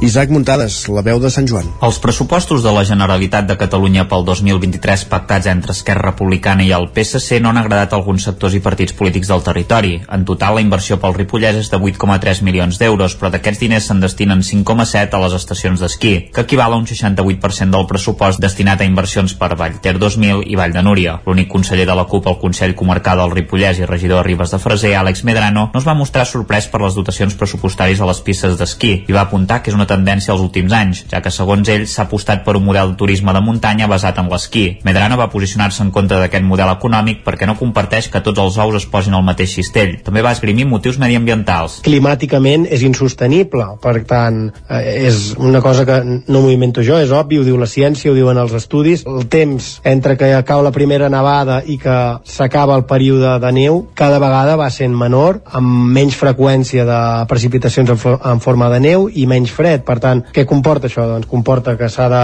crear, no? Ja, de fet, fins i tot aquí en, la, en els pressupostos de, de la Generalitat ja hi ha la descripció de projectes com a creació de neu artificial. El conseller de la CUP apuntava que també hi havia partides pel manteniment de pistes remuntadors o l'explotació de les estacions. Medrano incidia en que cal destinar més diners a la conservació del territori i en promoure un turisme sostenible, a més de partides per la pagesia o el sector secundari. En una línia similar s'expressava Oriol Ajenjo, membre de la plataforma Stop Jocs Olímpics al Ripollès, que carregava contra el govern de la Generalitat per no tenir un full de ruta clar pel Pirineu i les comarques de muntanya amb un model de turisme que va qualificar de caduc des d'un punt de vista ambiental, territorial i social, perquè gran part del pastís anava a les estacions d'esquí. Ajenjo també va culpar-ne les administracions públiques més properes com el Consell Comarcal per potenciar la marca turística del Ripollès, com si fos un producte per vendre el millor postor. Ajenjo apostava perquè els diners es destinessin a altres coses. Es continua desmantellant els serveis públics de la comarca, no? amb un hospital amb una situació bastant precària, amb una retallada de cartera de serveis i en derivacions a altres hospitals amb situacions segurament igual de precàries o més, com és l'Hospital d'Olot, no? Veiem que l'oferta educativa és molt limitada, que tenim unes infraestructures bastant precàries i amb uns preus i també veiem l'abandonament del sector primari. Llavors nosaltres el que pensem és no quin futur li volem donar als nostres joves, no? Si quan tornen aquí l'únic futur que els espera és el de servir gintònics, el de treballar en el sector turístic. Raquel Serrat, responsable de Dones d'Unió de Pagesos i Medi Rural i propietària d'una explotació ramadera a Pardines, i afegia que els pressupostos reflectien un model de país i lamentava els dèficits del Ripollès en matèria de sanitat, ensenyament o infraestructures. Serrat recordava que les pistes d'esquí donen feina, però només a un determinat col·lectiu que és més temporal i efímer, i que l'economia de la comarca no es podia basar en un sol sector. S'ha creat l'agenda rural. S'està creant a través de la plataforma Pirineus 2030 un debat de quin Pirineu volem. Totes les conclusions que allà surten no reflexen gens el que està passant a la realitat. El món rural no és, i no volem ser de cap manera, ni un decorat, ni un temàtic dramàtic ni uns elements folclòrics per la gent de ciutat. Si realment es vol apostar per un equilibri territorial, calen inversions que facilitin i millorin la qualitat de vida i, i la, les professions de la gent que hi vivim. Per exemple, Serrat no entenia com no s'havia dotat una partida per l'escorxador comarcal situat a Ripoll. Gràcies, Isaac. Més qüestions. Sant Feliu de Codines es reforça per intentar pal·liar els robatoris en domicilis particulars dels darrers mesos. Roger Rams, zona codinenca. L'Ajuntament de Sant Feliu de Codines i la policia local del poble reforcen els mitjans tant econòmics com d'efectius per mirar de combatre l'augment de robatoris en domicilis particulars dels darrers mesos. Carmelo Garrido és el cap del cos municipal i explica que malgrat la situació a Sant Feliu és millor que als altres pobles de la zona, ara mateix aquesta és la principal preocupació del cos. Eh, bé, bueno, el tema de robatoris a Sant Feliu de Codines estem bastant millor que els altres municipis, però sí que és cert que ha pujat, eh, ha pujat considerablement ja a tots els municipis també, i aquí, pues, bueno, no podem dir que estiguin robant moltíssim, però millor un robatori a la setmana o cada dues setmanes pel nostre municipi que, que sempre hem estat lliures de, de robatoris sí que és bastant. Garrido explica de quina manera s'ha reforçat la policia per tal de fer front a aquesta problemàtica i quins mitjans han incorporat a l'hora de treballar. Llavors, per part de l'Ajuntament s'han reforçat, es fan controls eh, un o dos dies a la setmana, controls específics eh, pel tema de robatoris, eh, reforçant plantilla i, i pagant hores extres per tal de que es pugui reforçar la seguretat del municipi. I s'estan utilitzant tots els mitjans eh, drons, helicòpters el tema de robatoris no és, no és que sigui només una banda especialitzada amb això sinó que hi ha bastantes bandes per desgràcia i, i molta gent que es dedica ara mateix al tema dels robatoris. Aquests treballs s'estan duent a terme en cooperació amb altres municipis de la zona com Vigues i Riells del Fai i Caldes de Montbui i també compten amb el suport dels Mossos d'Esquadra. Més qüestions. L'alcalde de Sant Boi de Lluçanès, Josep Pujol, viu el seu últim mandat a l'Ajuntament. Sant Boi no, perdó, Sant Agustí de Lluçanès. Pujol viu el seu últim edat a l'Ajuntament després de 28 anys com a alcalde i 12 com a regidor Sergi Vives. Haurà estat 40 anys al consistori amb llistes associades a l'entorn de Siu i de fet ja fa 4 anys va anunciar que el 2023 plegaria. En una entrevista al Nou TV recordava el seu pas per l'Ajuntament on quan va començar a fer de regidor no tenien ni telèfon. Va ser dur, eh? Per què? No, no ho sé, em semblava que no, que no ho sabria fer, que no perquè és aquell cop ningú volia anar davant. I vam acordar que sí el que tindria més vots. Primer no vaig pas dormir. El segon no me'n recordo. I en acabat pensava que seria molt dur que aquest viscut de regidor pues, molt diferent. Ara està content d'haver pogut fer arribar l'aigua a totes les cases i considera un malson el projecte de la depuradora que arrosseguen des de 1995. Vic tornarà a celebrar el dijous llarder a la plaça Major el 16 de febrer, dijous de la setmana vinent. Una edició que compta amb novetats, la més significativa és que a part d'esmorzars i dinars, també se serviran sopars. Així és, tant al matí com al migdia l'oferta gastronòmica seguirà tenint la mateixa línia que la dels anys anteriors. Eduard Eliberg, membre d'Osona Cuina, ha explicat, però, quin serà el menú del sopar. Un caldo, eh, un entrepà de, de polet porc, entrepà de botifarra tofonada i després costelles a la brasa amb, amb patates. De fet, els encarregats de fer aquest caldo seran els alumnes de l'Escola d'Hostaleria d'Osona que enguany tornaran a participar fent un altre tipus d'elaboracions que no siguin els entrepans. Un caldo que començarà a bullir al matí i estarà a punt a l'hora de sopar. Des d'Osona Cuina tenen clar eh, que l'objectiu d'aquesta jornada no és ni més ni menys que posar en valor el porc, un dels productes estrelles de la comarca. Que la gent parli de tota, de tota la gastronomia que fem aquí i d'ensenyar a la gent tot el que fem aquí amb un producte eh, tan gran i tan important com tenim, que és el porc, D'aquesta manera, durant tot el dia es podran veure diferents elaboracions fetes amb aquest producte per tal de promocionar-lo.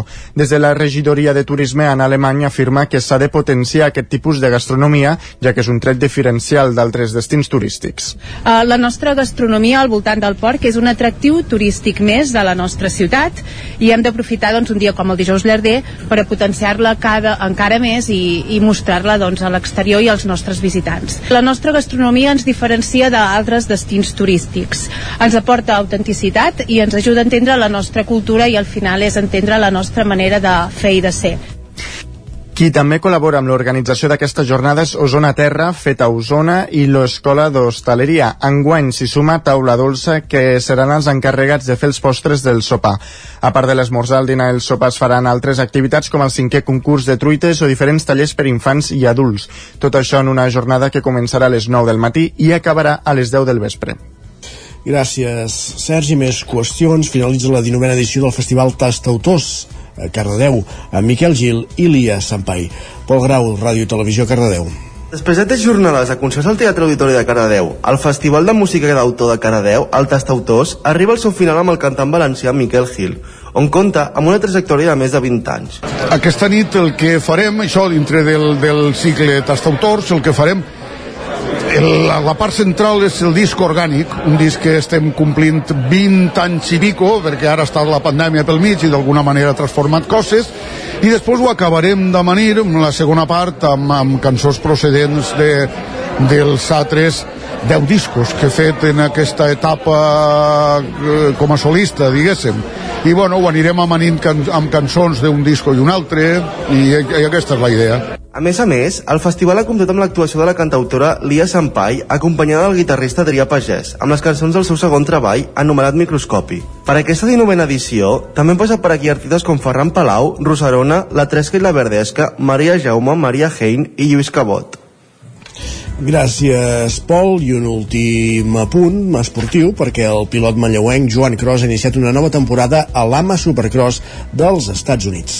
Les pluges van condicionar les primeres curses i els resultats no han acabat d'acompanyar el pilot osonenc.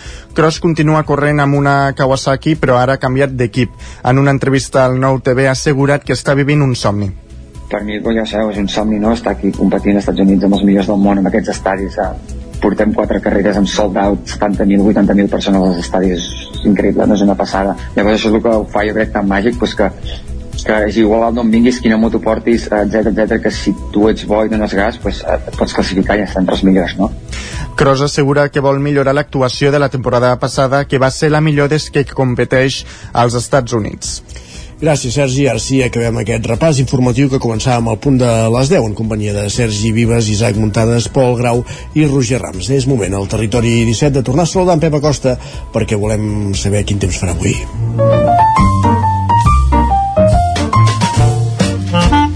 Casa Terradellos us ofereix el temps. Per tant, Pep Acosta, Ona Codinenca, bon dia de nou. Hola, bon dia. Què tal? Va avançar la setmana ja ens acostem al cap de setmana. Espero que estigueu tots molt bé. Uh, mica en mica es va desinflant aquest temporal de llevant, aquesta perturbació mediterrània, que està la protagonista de la setmana, encara força amb la mar, ahir encara una precipitació, però ja poca cosa, va bastant a la baixa. Uh, demà acabem de fer un balanç de tot plegat, però podem dir que ha estat eh, molt beneficiosa aquesta pertorbació. En general no ha fet mal no ha fet mal.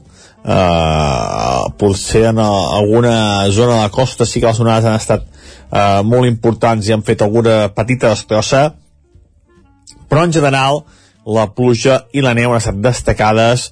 Eh, feia molts mesos que no hi havia tanta pluja tanta neu a moltes zones. I per tant eh, ha estat molt, molt, molt beneficiosa aquesta pertorbació.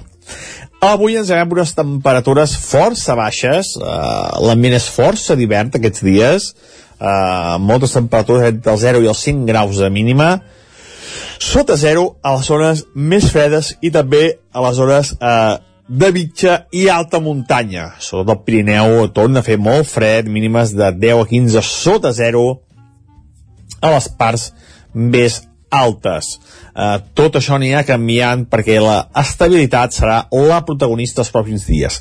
Però avui encara tenim una mica, mica, mica d'inestabilitat. Uh, encara tenim molt aire fred, encara hi ha alguna aportació de vents de llevant, i farà que hi hagi molts núvols el dia d'avui, molts núvols, i la possibilitat d'alguna petita precipitació. Uh, sobretot a la tarda. A la tarda el sector del Coix de Cabra, Guilleries, Montseny, pot ser que pogui una mica. Si plou seran ruixats, inconexos, eh, res de, de precipitació continuada i la majoria de precipitacions entre el 0 i els 5 litres, amb una cota neu de 600-700 metres. Però ja dic que és una pluja bastant eh, poca cosa aquests dia, aquesta tarda si és que li va caure les temperatures baixes ambient d'hivern la majoria màximes entre els 9, entre els 7, 8, 9 10, 11 graus a tot estirar a poques poblacions de les noves comarques es superaran els 10 graus. Vents eh, marítims de mar cap a l'interior en cops eh, moderats, però que ni de bon seran tan forts com eh, el dimarts. Eh, seran vents molt més febles i que més aniran girant, aniran girant perquè l'anticicló es anirà apoderant de la zona més eh, occidental d'Europa i per tant l'estabilitat l'estabilitat dels pròxims dies guanyarà pes i tornarà al sol, la inversió tèrmica i el gran contrast entre el dia i la nit pel que fa a les temperatures. Que disfruteu d'aquest dijous. Adéu, bon dia. Gràcies, també gaudeix el dijous, Pep. Bon dia. Casa Tarradellas us ha ofert aquest espai. Territori 17. Envia'ns les teves notes de veu per WhatsApp al 646 079 023. 646 079 023. WhatsApp Territori 17.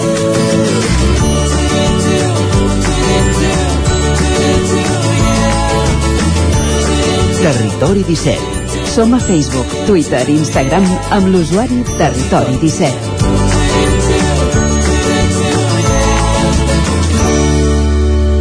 Ara mateix al territori 17, un quart d'onze del matí.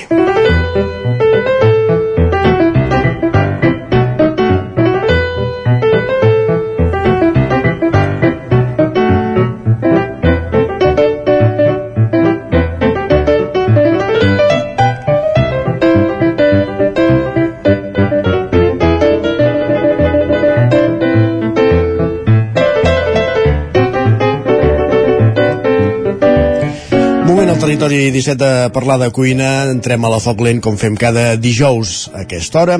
Avui per parlar d'un dolç tradicional de Cardedeu, el dolç per excel·lència de Cardedeu com són els borregos, ara n'és època.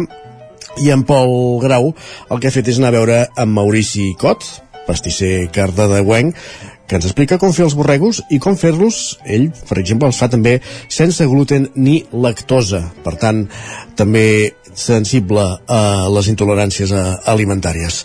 Per tant, és moment de saber com es fan els borregos de Cardedeu i qui tingui la mà trencada i els vulgui anar fent i tastar-los, doncs vinga, benvingut sigui. Pol, benvingut una, un cop més, bon dia. Bon dia i benvinguts a un nou foc lent des de Cardedeu. Avui parlarem del producte singular i més reconegut de Cardedeu, a part del cacaulat. Avui prepararem borregos, una especialitat flaquera d'origen medieval, tot i que la primera referència documental a Cardedeu és de 1830. Els flaquers més antics i coneguts dedicats a la producció de borregos van ser els Domingo Vila, que declaren haver fabricat borregos des de 1770 en el forn regentat per sis generacions de Domingo Vila. El borrego és una especialitat de rebosteria que tot i fer-se en diversos llocs, els més coneguts són els de Cardedeu. Tant és així que el dolç compta amb un concurs mundial de borregos que plega cada any molts cardedeuencs per demostrar qui és capaç de menjar més borregos. Avui ens hem desplaçat a l'obrador Maurici Cot, pastisser d'aquí Cardedeu, on prepara borregos sense gluten ni lactosa, perquè així la gent amb intoleràncies pugui degustar d'aquest dolç. Bon dia, Maurici. Abans de començar, explica'ns una mica com vas començar amb tot aquest projecte i per què començar a cuinar sense lactosa ni gluten. Ah, bé, doncs, bueno, soc Maurici Cot, soc de Cardedeu, i bueno, el projecte va començar ara farà 7 anys. Um, tot va venir de, degut a unes intoleràncies que tenia jo. Jo vaig estudiar cuina i pastisseria em vaig especialitzar en pastisseria i postres. I, i bueno, degut a això, unes intoleràncies que, que tenia, que estava sempre malament i que, uh, bueno, que tenia problemes sempre amb, amb bueno, de malestar de cansament i tot això em van diagnosticar unes intoleràncies al, alimentàries al gluten, a la lactosa i a més aliments. Uh, llavors a partir d'aquí va ser quan vaig decidir uh, buscar la forma de, de fer una pastisseria més alternativa amb, amb productes sense gluten i sense lactosa i vigilant també amb, amb tot el que són els al·lèrgens. I, i, bueno, i poder atendre així a, a tot el sector de la restauració, d'hotels, càterings, restaurants, cafeteries, que volguessin un producte eh, bo, de qualitat, i, i diferent a, a lo que hi ha a lo que es troba de forma més habitual als supermercats o, o més en plan industrial. Llavors bueno, em vaig decantar cap a aquesta branca que, uh, que hi ha molt poca uh, oferta bueno, a dia d'avui ja n'hi ha més però que fa uns anys hi havia molt poca oferta d'aquest tipus de productes no? I, i tan, tan especialitzat com és el, el sense gluten i el sense lactosa també perquè molts cops eh, bueno, doncs les persones que són celíaques o que tenen intoleràncies alimentàries eh, també va acompanyat això de la intolerància a la lactosa i, i bueno, el fet de, de tenir aquests dos tipus de eh, o sigui, d'ingredients que no utilitzem nosaltres, doncs fa que puguem arribar a més gent. Quins són els productes que prepareu aquí?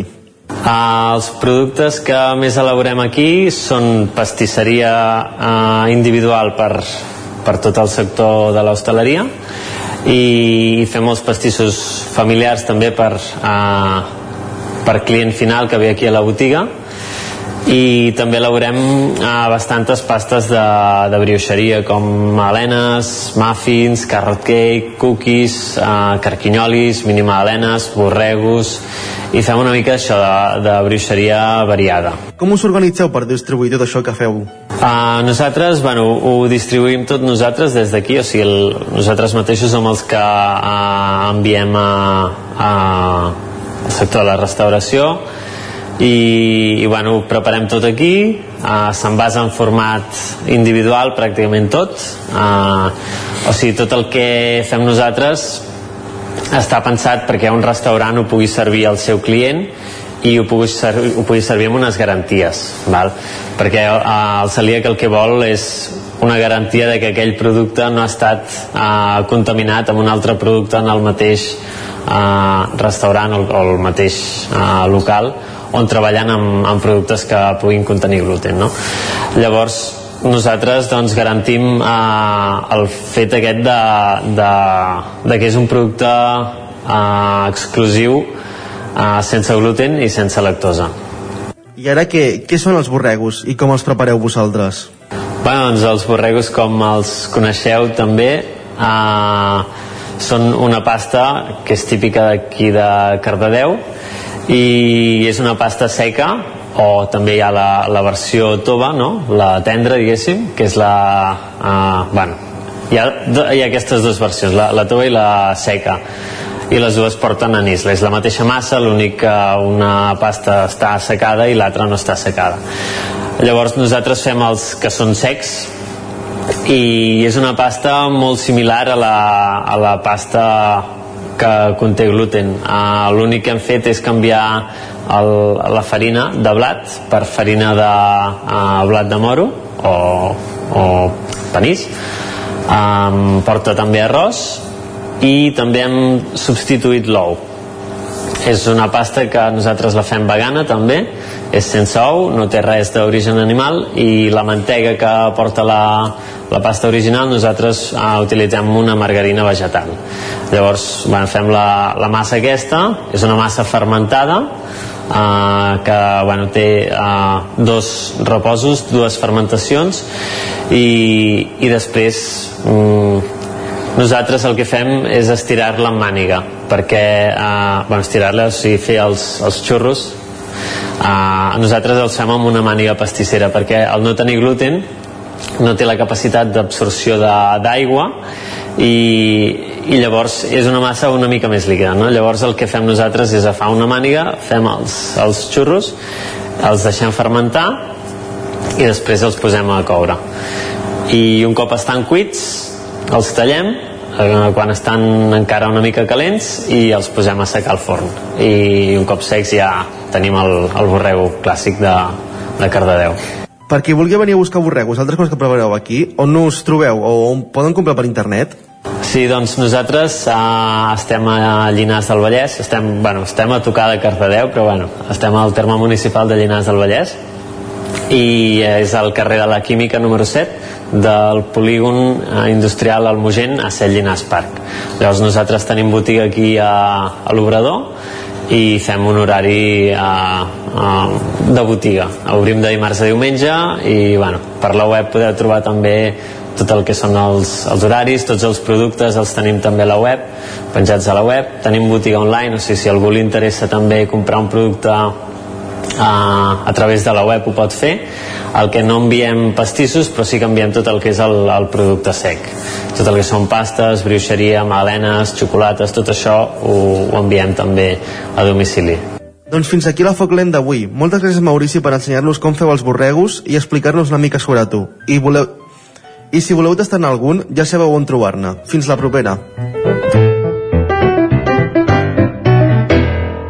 Els borreus de Maurici Cota Cardedeu els hem escoltat al Territori 17 aquí a, a la Fagot. Territori 17. I ara és moment de posar-hi una mica de música, perquè aquest cap de setmana apareixia a les xarxes socials eh, el músic Lil Dami dient que li havien hackejat el compte d'Instagram i això el que era formar part de la campanya de promoció del seu nou llançament. Aquesta cançó, que porta per títol Més Igual, que és el primer avançament del seu tercer disc, Dami, i que, que es publicarà el 23 de febrer i que ens acompanyarà ara, després del foc dolent, fins a la pausa.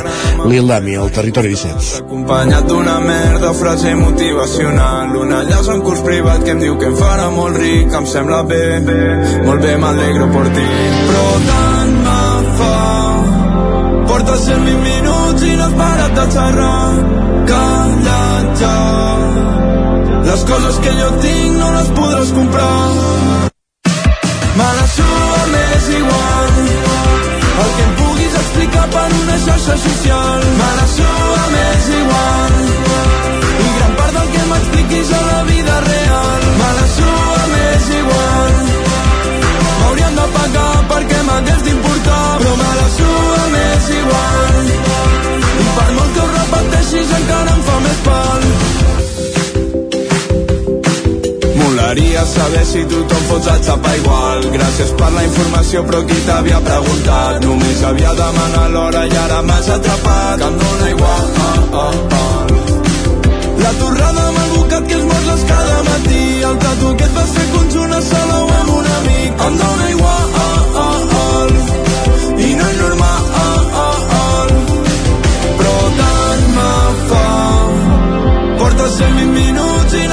has parat de xerrar Canviat ja Les coses que jo tinc no les podràs comprar. Me la m'és igual. El que em puguis explicar per una xarxa social. Me la m'és igual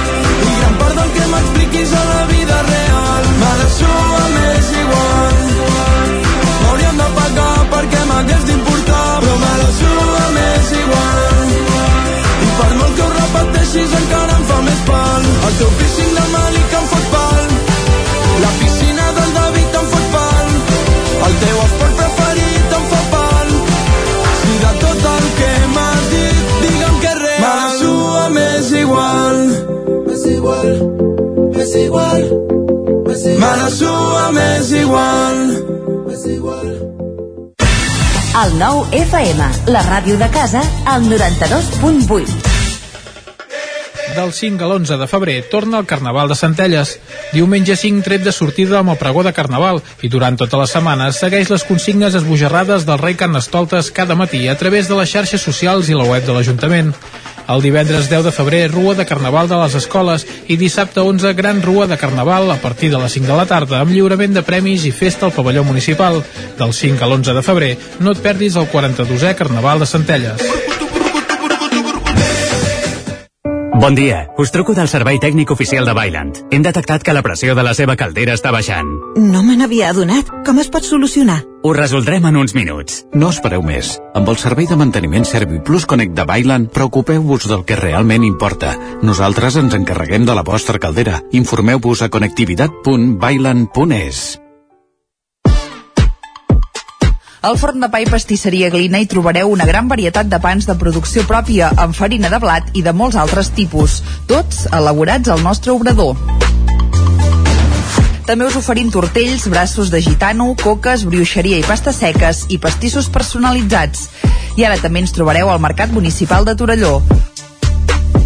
Forn de pa i pastisseria Glina, carrer Major número 9 de Sant Vicenç de Torelló i Mercat Municipal de Torelló.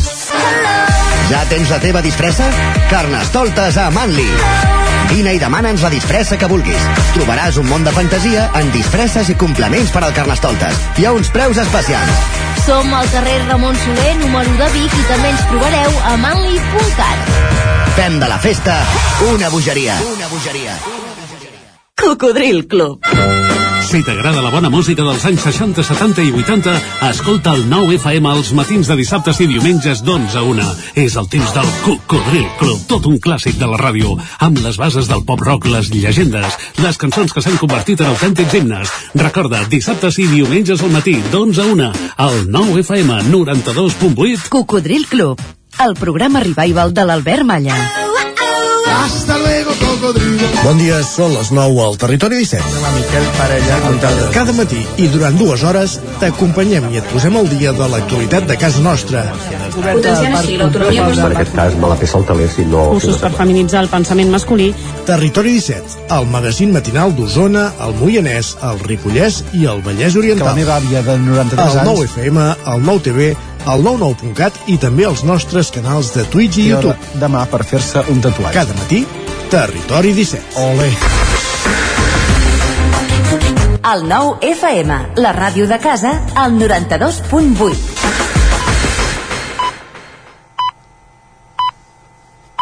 Ara mateix, dos quarts de 10 al Territori 17.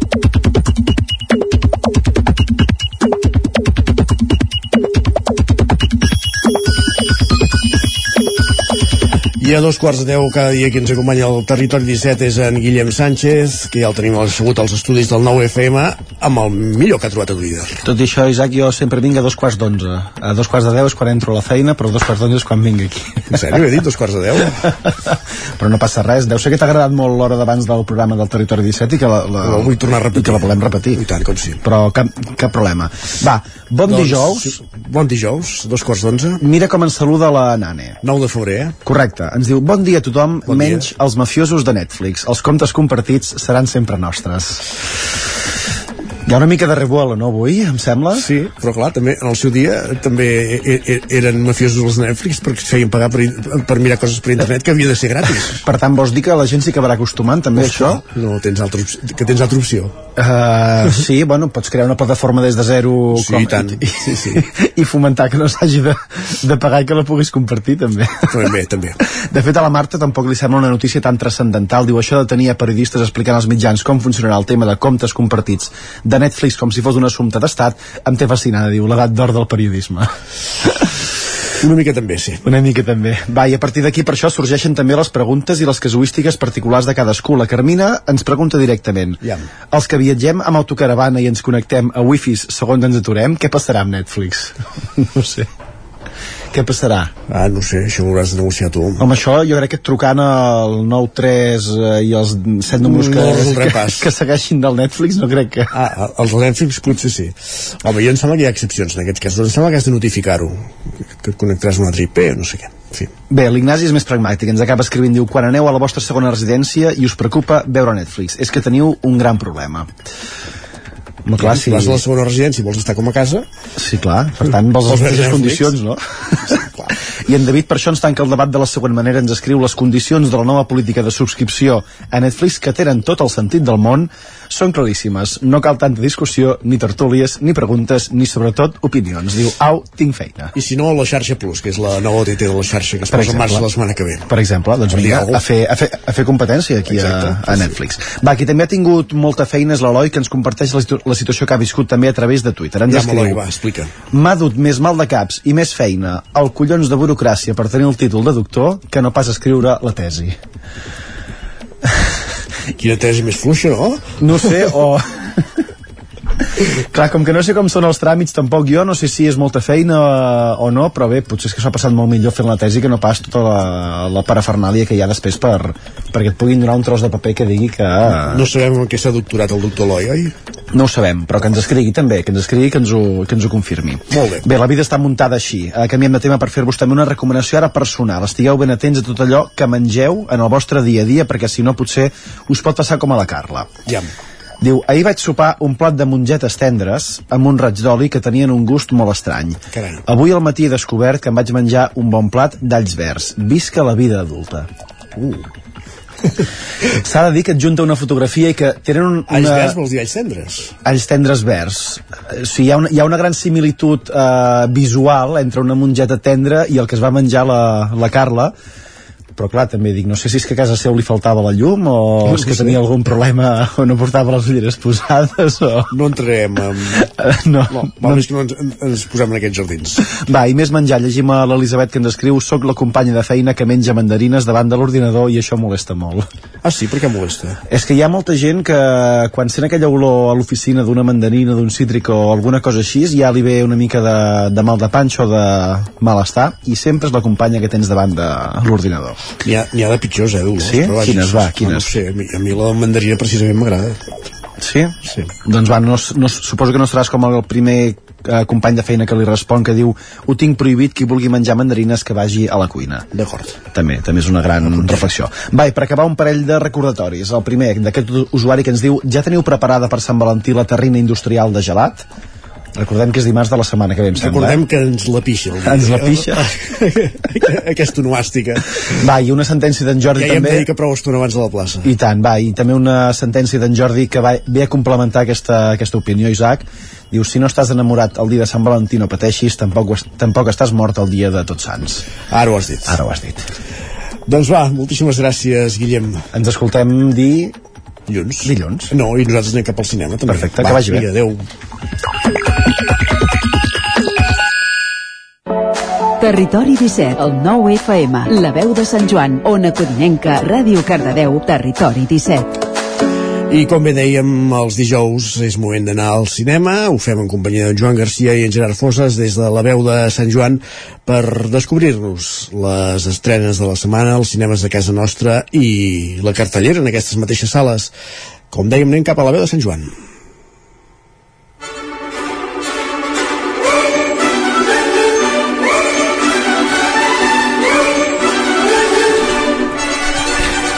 I aquesta és la música amb la que sempre connectem amb en Gerard Fosses per parlar de cinema, per saber les estrenes que hi hauran als cinemes aquest cap de setmana i també altra informació sobre el setè art. Hola, Gerard. Hola, què tal? Aquesta- Bueno, avui informació extra tampoc en tenim no, gaire. avui no. No, però, Però, però, sempre tenim temes de conversa. ho he dit en general, en general, que a vegades passa.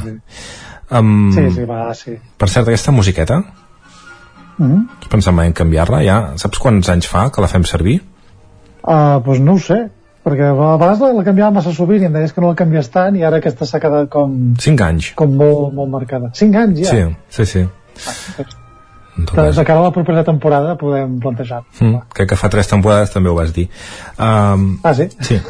Però m'ho apuntaré a l'agenda. Molt bé, escolta, avui um, no hi ha arqueologia, eh? Avui la, la majoria de les pel·lícules de les que parlaràs es podran, o totes es podran veure a cinemes del territori, eh? Sí, avui totes. Mira, n'he trobat una que d'arqueologia de la qual que em venia bastant de gust parlar, però al final he decidit ser conservador aquesta vegada, Mm. uh, perquè anava a parlar d'una pel·lícula pakistaní que es diu Joyland, aquí la deixo per si algú se la vol apuntar, Mm. però sí, anirem a saco i que la gent pugui anar a veure les pel·lícules a, als cinemes del, del seu territori, que de tant en tant també doncs, es tracta d'això. Mm. Molt bé, doncs escolta, som-hi, uh, arrenquem. Arrenquem, i arrenquem amb el Sant Cristo Gros, que és uh, Steven Spielberg, que estrena pel·lícula, i una pel·lícula bastant especial, perquè està, eh, diguem que està basada en la seva vida i la seva entrada al món del cinema, també, òbviament, dintre de les seves relacions familiars i tot plegat, i ens ho explica amb aquesta pel·lícula que es titula Los Fabelman. Movies are dreams. That you never forget.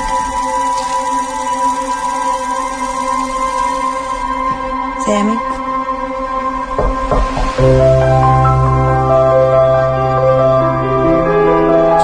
Molt bé, veiem imatges molt boniques d'un nen eh, gravant això, pel·lícula eh, amateur a casa, no?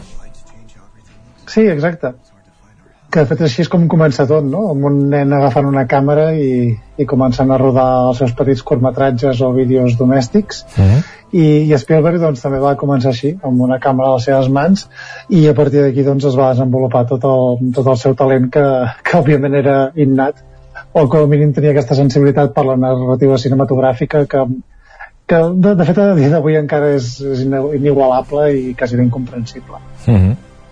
Uh, aquí uh, Los Fabelman és una pel·lícula que parla sobre ell i, i de fet és una pel·lícula que, que ha comentat el mateix Spielberg que, que fa anys, o sigui dècades que, que ha pensat que vol fer però que mai s'havia atrevit a fer no? perquè alhora és com una exploració personal de, de la seva vida finalment s'ha decidit i aquesta pel·lícula de, de més de dues hores que és quasi com un, com un recopilatori d'anècdotes uh, sobre la seva vida. No estrictament real perquè aquí uh, hi ha un misteri al voltant bueno, com un secret familiar que el nen va desentrellant a través del cinema. Però a nivell material el que és el, el nucli de la història sí que, que és una mica basat en la infància de Spielberg que és aquest nen que es va interessar de seguida pel cinema amb la càmera que, que li van regalar i que a, a partir d'allò doncs, va començar a forjar la seva identitat. També recordem que va entrar a treballar molt jove en estudis. Des de molt jove ja li van començar a donar papers de, bueno, d'ajudant de direcció a treballar en rodatges i també va dirigir la seva primera pel·lícula per televisió que és eh, El Diablo sobre ruedas també de bastant jove Mm. i diguem, diguem que va estudiar cinema més tard perquè la seva pel·lícula de, de final de carrera va ser la llista de Schindler ni més ni menys cosa que devia quedar molt bé entre la resta d'alumnes Mm -hmm. però bé, diguem que, eh, diguem que aquest, tot aquest recopilatori és, és una declaració d'amor al cinema ja des del punt de vista de, de la infància és una, una pel·lícula que té aquesta sensibilitat una mica com la tenia ET sense, òbviament, el mateix carisma no? perquè aquestes coses màgiques com ET doncs, passen una vegada i prou. Però sí que està una mica en el to. I mm, sí, que- jo l'únic que trobo a faltar aquí és una mica de carisma entre els personatges i la família és el que no m'acaba de funcionar.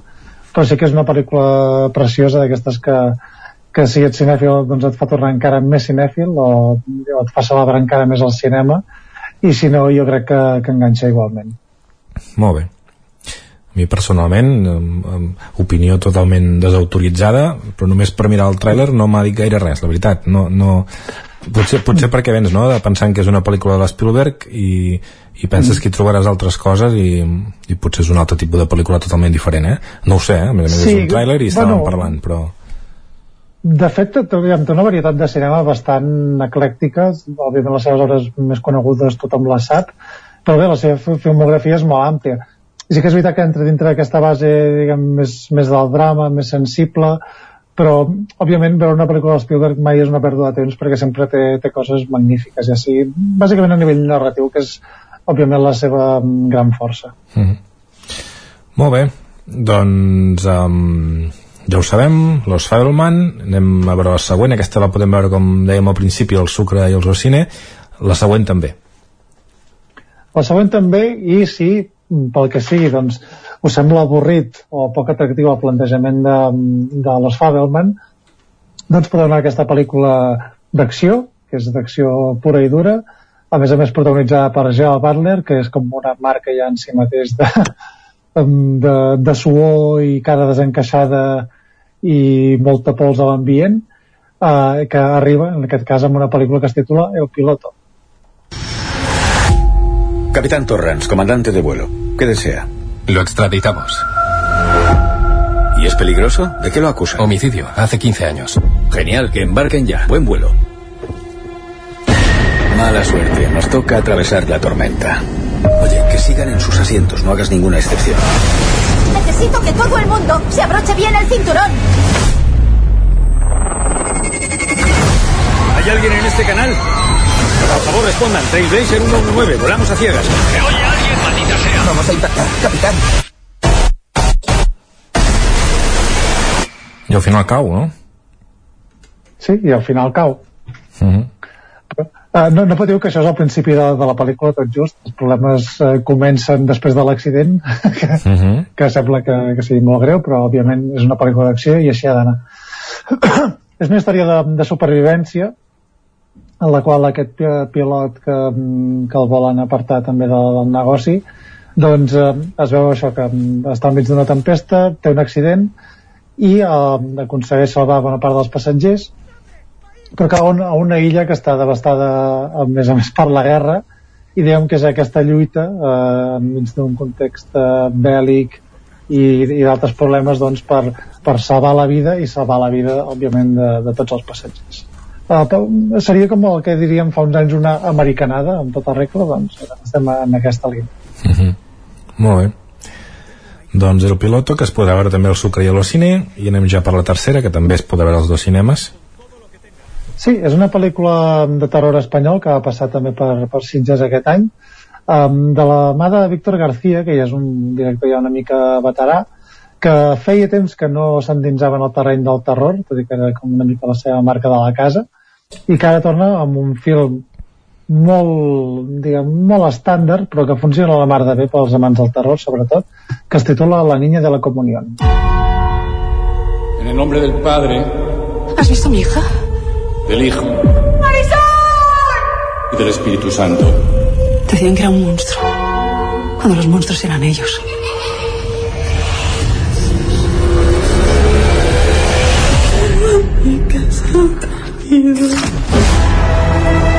¿A dónde vais? ¿A dónde vosotras queráis? Creo que vimos a una niña perdida en un camino a las afueras. Luego encontramos esto. Es una muñeca de comunión. Y hace años que se cuenta esa historia. Molt bé, ja tenim tots els ingredients. Sempre fan por els nens, no? Les pel·lícules sempre els trien per fer por, últimament. Sí, exacte, home, un nen amb una pel·lícula de por doncs, sempre ha de fer el seu cague o posar-te molt nerviós perquè és el protagonista eh, indefens o perquè bé, doncs és el, el terror en persona. En aquest cas estem parlant del terror en persona. Eh, he de dir que és una pel·lícula de, de factura molt correcta amb història plena de clitxers o sigui que ningú esperi cap mena de sorpresa però funciona bastant bé. Les protagonistes són dos noies joves que se'n van de festa i de tornar es troben a aquesta nina i els ha semblat veure una nena vestida amb un, amb un vestit de la comunió. I a partir d'aquí doncs, es barregen òbviament aquestes, aquestes històries més folclòriques terror rural um, també uh, anomenar que ens, ens posem en context dels anys 80 una societat encara una mica més retrògrada sobretot en, en llocs um, de poble on els valors eren com molt ferms, encara molt religiosos catòlics i diguem que amb, amb tota aquesta amanida doncs parla d'aquesta història de la lliberació juvenil a través d'una història de terror Molt bé, la línia de la comunió, el sucre i el rocina, i també tinc marcat aquí com a extra Titanic 3D. Sí, que és, és la segona vegada ja que s'estrena Titanic 3D, ho vam fent de tant en tant, no sé amb quin criteri, potser aquí per, per acabar de d'omplir les butxaques daurades de James Cameron Igual és un, igual és un, de- de igual, igual és un, és un, uh, un pacte que han arribat justament això per fer més calés. Mira, uh, us fem un pack Avatar uh, 2 amb Titanic 3D, no? Potser. Sí, sí, però la gent hi cau de quatre potes, eh? perquè, per exemple, el Sucre crec que la fan en sessió en 3D en castellà i també en versió original. Vull dir que aquí hem, eh, estem ja acumulant molts diners per James Cameron, però bé, Titanic és aquesta pel·lícula mastodòntica i mítica de, del seu moment que qualsevol que la vulgui tornar a veure i a més a més això remasteritzar en 3D doncs té la seva oportunitat. Però amb 3D no, no s'havia vist mai encara, o, o sí, dius? Sí, sí, la, vam fer una reestrena, de fet crec que quan era el, el 20è aniversari de la pel·lícula, el 2019, o sigui que Mm. uh, bé, s'ha fet i ara doncs es torna a repetir, o sigui que endavant. Però és cert que, que Cameron està obsessionat, no?, amb, amb el Titanic i amb la i amb la pel·lícula perquè fa poc amb els fills vaig començar a veure un, un petit reportatge que fins i tot um, com que tothom li diu que el, que el Leonardo DiCaprio es podia haver salvat no, al final de la pel·lícula tothom li diu i és un comentari així amb conya que es fa sempre el tio va enganxar Sí. sí. un parell de persones, un home una dona, i va agafar una... Un, va, va, va recrear aquell moment amb la temperatura freda, amb, amb, amb el moment d'excitació que havien de tenir, amb el cansats que estaven i tot, per recrear veure si, si podria o no podria sobreviure. No, no sé si ho sabies, però... però no, no ho sabia. vist, Al final com queda la cosa? doncs es veu que sí que es podia haver salvat, però amb unes circumstàncies tan, tan, tan fràgils que, de, saps, de, que, bueno, que era impossible perquè s'havien d'haver posat tots dos junts així d'aquesta forma perquè no al final ningú toqués l'aigua perquè estava congelada bueno, però, però vull dir que al final va, Sí, va, va dotar com de, com de um, contingut o raonament científic el fet de, de, que, de que al final ell decidís que el, aquell personatge es moria que al final, jo què sé no sé si Sí, calia és que això de, de, això de convertir el romanticisme en ciència em sembla la, la cosa més absurda del món. sí, sí. Bueno, és, Dramàticament funciona bé al final de Titanic, per tant no cal donar és que és, és possible que només amb la recreació del que va fer això una altra, una altra persona, una altra, algú altre que ha fet una pel·lícula sencera potser, vés a saber, de baix nivell. Sí, doncs, és és aquest caràcter obsessiu de James Cameron que, a, a part d'això, doncs, també em sembla que és l'home que ha estat submergit a més profunditat, ha estat molt obsessionat amb el fons marí, ha estat allò, visitant el Titanic submarí diverses vegades. Uh, vull dir que qualsevol projecte es converteix com una obsessió vital. De fet, Avatar mateix, que, que d'una pel·lícula que, bueno, òbviament és un èxit de taquilla, però que tampoc sembla que li importi massa a ningú, dic ara se n'acabaran fent 4 o 5 pel·lícules uh, i té una bíblia escrita sobre Pandora i tot aquest món d'Avatar que, que bueno, té el tamany pràcticament de Star Wars i no és més gran perquè no ha tingut més temps perquè amb Star Wars ja portem 50 o 60 anys aquí encara no, no n'ha tingut tants però, però déu nhi l'animalada que porta sobre els seus projectes i ja dic, la llàstima és que, que arran de fer tot això i aquesta obsessió per la tecnologia tot, doncs que sembla que s'ha oblidat de, de dirigir, no? que és una cosa que realment se li donava bé. mm. molt bé doncs uh, perfecte, ja tenim les tres estrenes més aquesta propina de Titanic 3D anem a repassar la cartellera del territori, com sempre comencem per Ripoll on fan Asterix i Obelix El Reino Medio i Broker aquest Asterix fa una, una pintarra de ser una pel·lícula bo- boníssima que no l'hem destacat mai en cinemes, no sabem si s'ha estrenat en cinemes grossos, però que, que arribi directament al, cinema comtal de Ripoll amb tots els respectes, però deu voler dir alguna cosa, no? Sí, bueno, de de fet no vam comentar-ho, però es va estrenar la setmana passada. Mm, mm. Uh, pel·lícula que, que ha fet molta taquilla a França, òbviament, però perquè és, és d'aquestes pel·lícules amb to de comèdia familiar, amb humor molt absurd, mm. i que de fet eh, jo no l'he vista però sentit dir que amb el doblatge en espanyol fins i tot li volen afegir gràcies eh, traduint amb xiste el, els noms dels personatges vull dir que un, una cosa com molt recombolesca que bé per un públic això, infantil doncs potser pot funcionar bastant bé Mm. Molt bé. i Broker, per cert, eh, pel·lícula coreana que també es va projectar aquesta setmana al Cineclub Vic i que m'alegro de veure que, que segueix tenint vida a la cartellera, en aquest cas al cinema comtal de Ripoll. Eh, Una pel·lícula molt lluminosa, o sigui que us recomano que, que l'aneu a veure.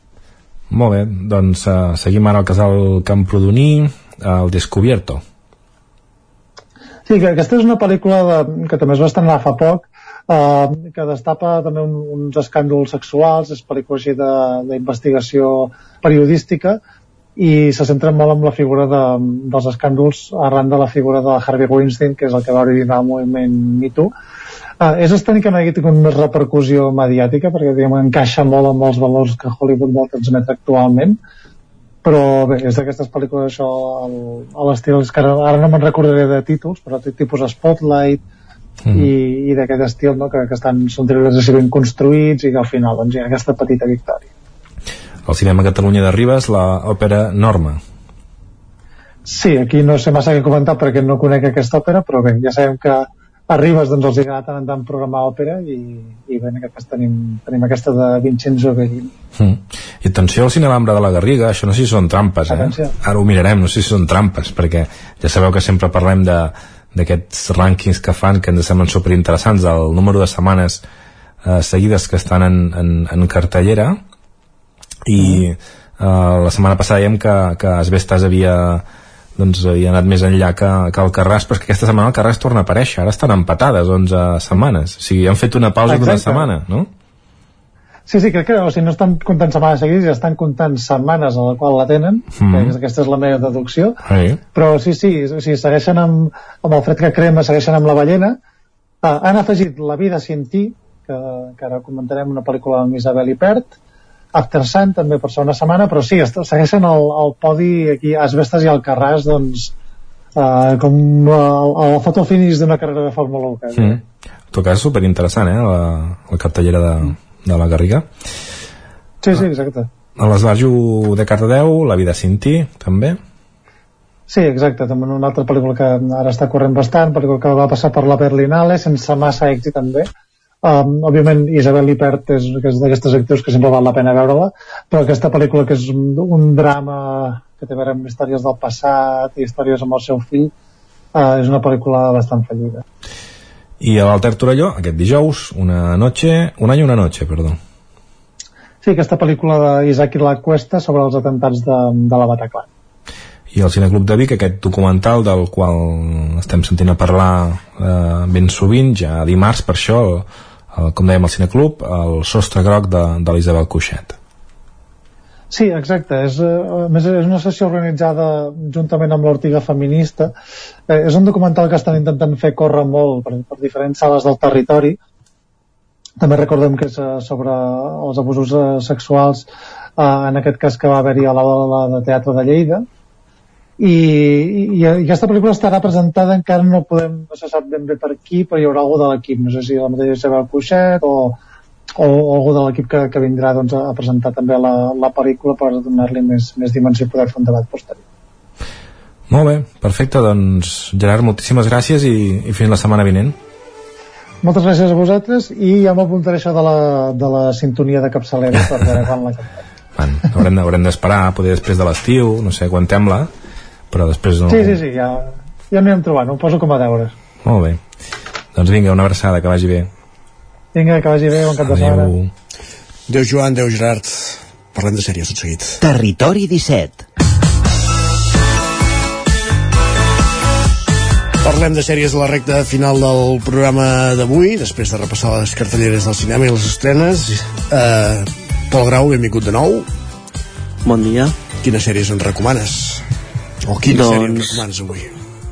Us porto una sèrie que es va estrenar el 2020, just abans de la pandèmia, sí? però que ara fa un mes, així per sorpresa, va estrenar la segona temporada, que ningú s'esperava i van s'esperava que es cancel·lés i tot, i va aparèixer aquí la segona temporada. Molt bé. Eh, us vinc a parlar de Hunters, una sèrie del, de Prime Video, uh -huh. on ens parla... És un thriller ambientat als anys 70 a Nova York, on seguim les, les aventures d'un grup de caçadors, d'aquí la sèrie Hunters, on descobreixen uns antics alts funcionaris nazis conspirant per crear el quart Reich, Reich als Estats Units. Eh, eh, tenim Al Pacino com a elenco reparto de la sèrie que va estar nominat a Globo d'Or com a millor actor de drama i la primera temporada tenim eh, 11 capítols d'uns 40-50 minuts sí. i la segona temporada és més curteta d'uns 8 capítols d'uns 50 minuts una hora eh, és això, són quan va acabar el feixisme pues, eh, els Estats Units va recopilar tots aquests científics eh, superdotats per dir-ho així per construir diguéssim la batalla també contra la batalla la, la carrera contra l'espai ja que no els volien desaprofitar uh -huh. i doncs aquest grup de caçadors eh, els estan buscant, conspirant contra ells per matar-los perquè no, no volen seguir-los o si els volen matar i ens parla també del protagonista la seva àvia que és una antiga dels camps de dels camps nazis també, on l'explica els relats que va viure ella quan era més petita i el protagonista, amb, junt amb el Pacino, que al final hi ha un plot twist de la sèrie que és, no me l'esperava el plot twist aquest, o sigui, és, és divertit. Molt bé. Eh, intentaran caçar tots aquests nazis que estan amagats pels Estats Units i viuen tan normal com si no hagués passat res i la gent conviu amb ells. De fet, això passa als Estats Units i arreu de personatges sí. aquests amagats i, sí. i, i, i desapercebuts uh, doncs la recomanes, eh? Aquesta segona temporada està a l'alçada de la primera o què?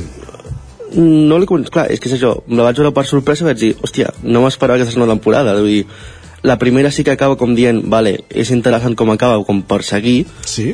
però és que és bastant el 2020, vull dir, arriba 3 anys després que dius, no me l'esperava. Ah. O sigui, me la posaré a veure. Doncs te l'autorecomanes i ens la recomanes també The sí. Hunters, segona temporada a ah, Prime, Prime Video. Molt bé. I alguna altra cosa? I abans que també estan parlant del Techo Amarillo, es va estrenar fa, que vam parlar la setmana passada amb el, el Territori Dona, amb la... Sí, també que van fer els Gaudí, es va estrenar el RTV Play. Molt bé. El, el podeu veure el, el RTV Play online, vull dir, es va estrenar fa 3 dies, el 6 de febrer crec, i està online per si el voleu veure jo el volia veure, vaig buscar-lo i em va sortir que mira, avui el es va estrenar aquí Doncs la pel·lícula del Sostre Vida, que avui es propera a Cineclub Vic, com ens recordava en Gerard Fosses, També també està alguna vera, deien. disponible a RTV E-Play, de la pel·lícula d'Isabel Cuixet sobre els fets de l'aula de teatre de, de Lleida, sobre els assetjaments a l'aula de teatre de Lleida. Doncs, Pol, moltíssimes gràcies. A tu. Tornem demà. demà més bon dia adéu, bon dia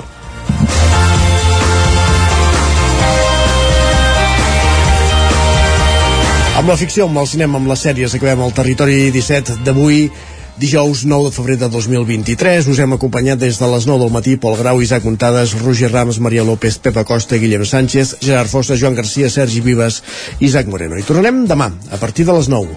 Fins aleshores, gràcies per ser-hi. Molt bon dijous. Adéu-siau.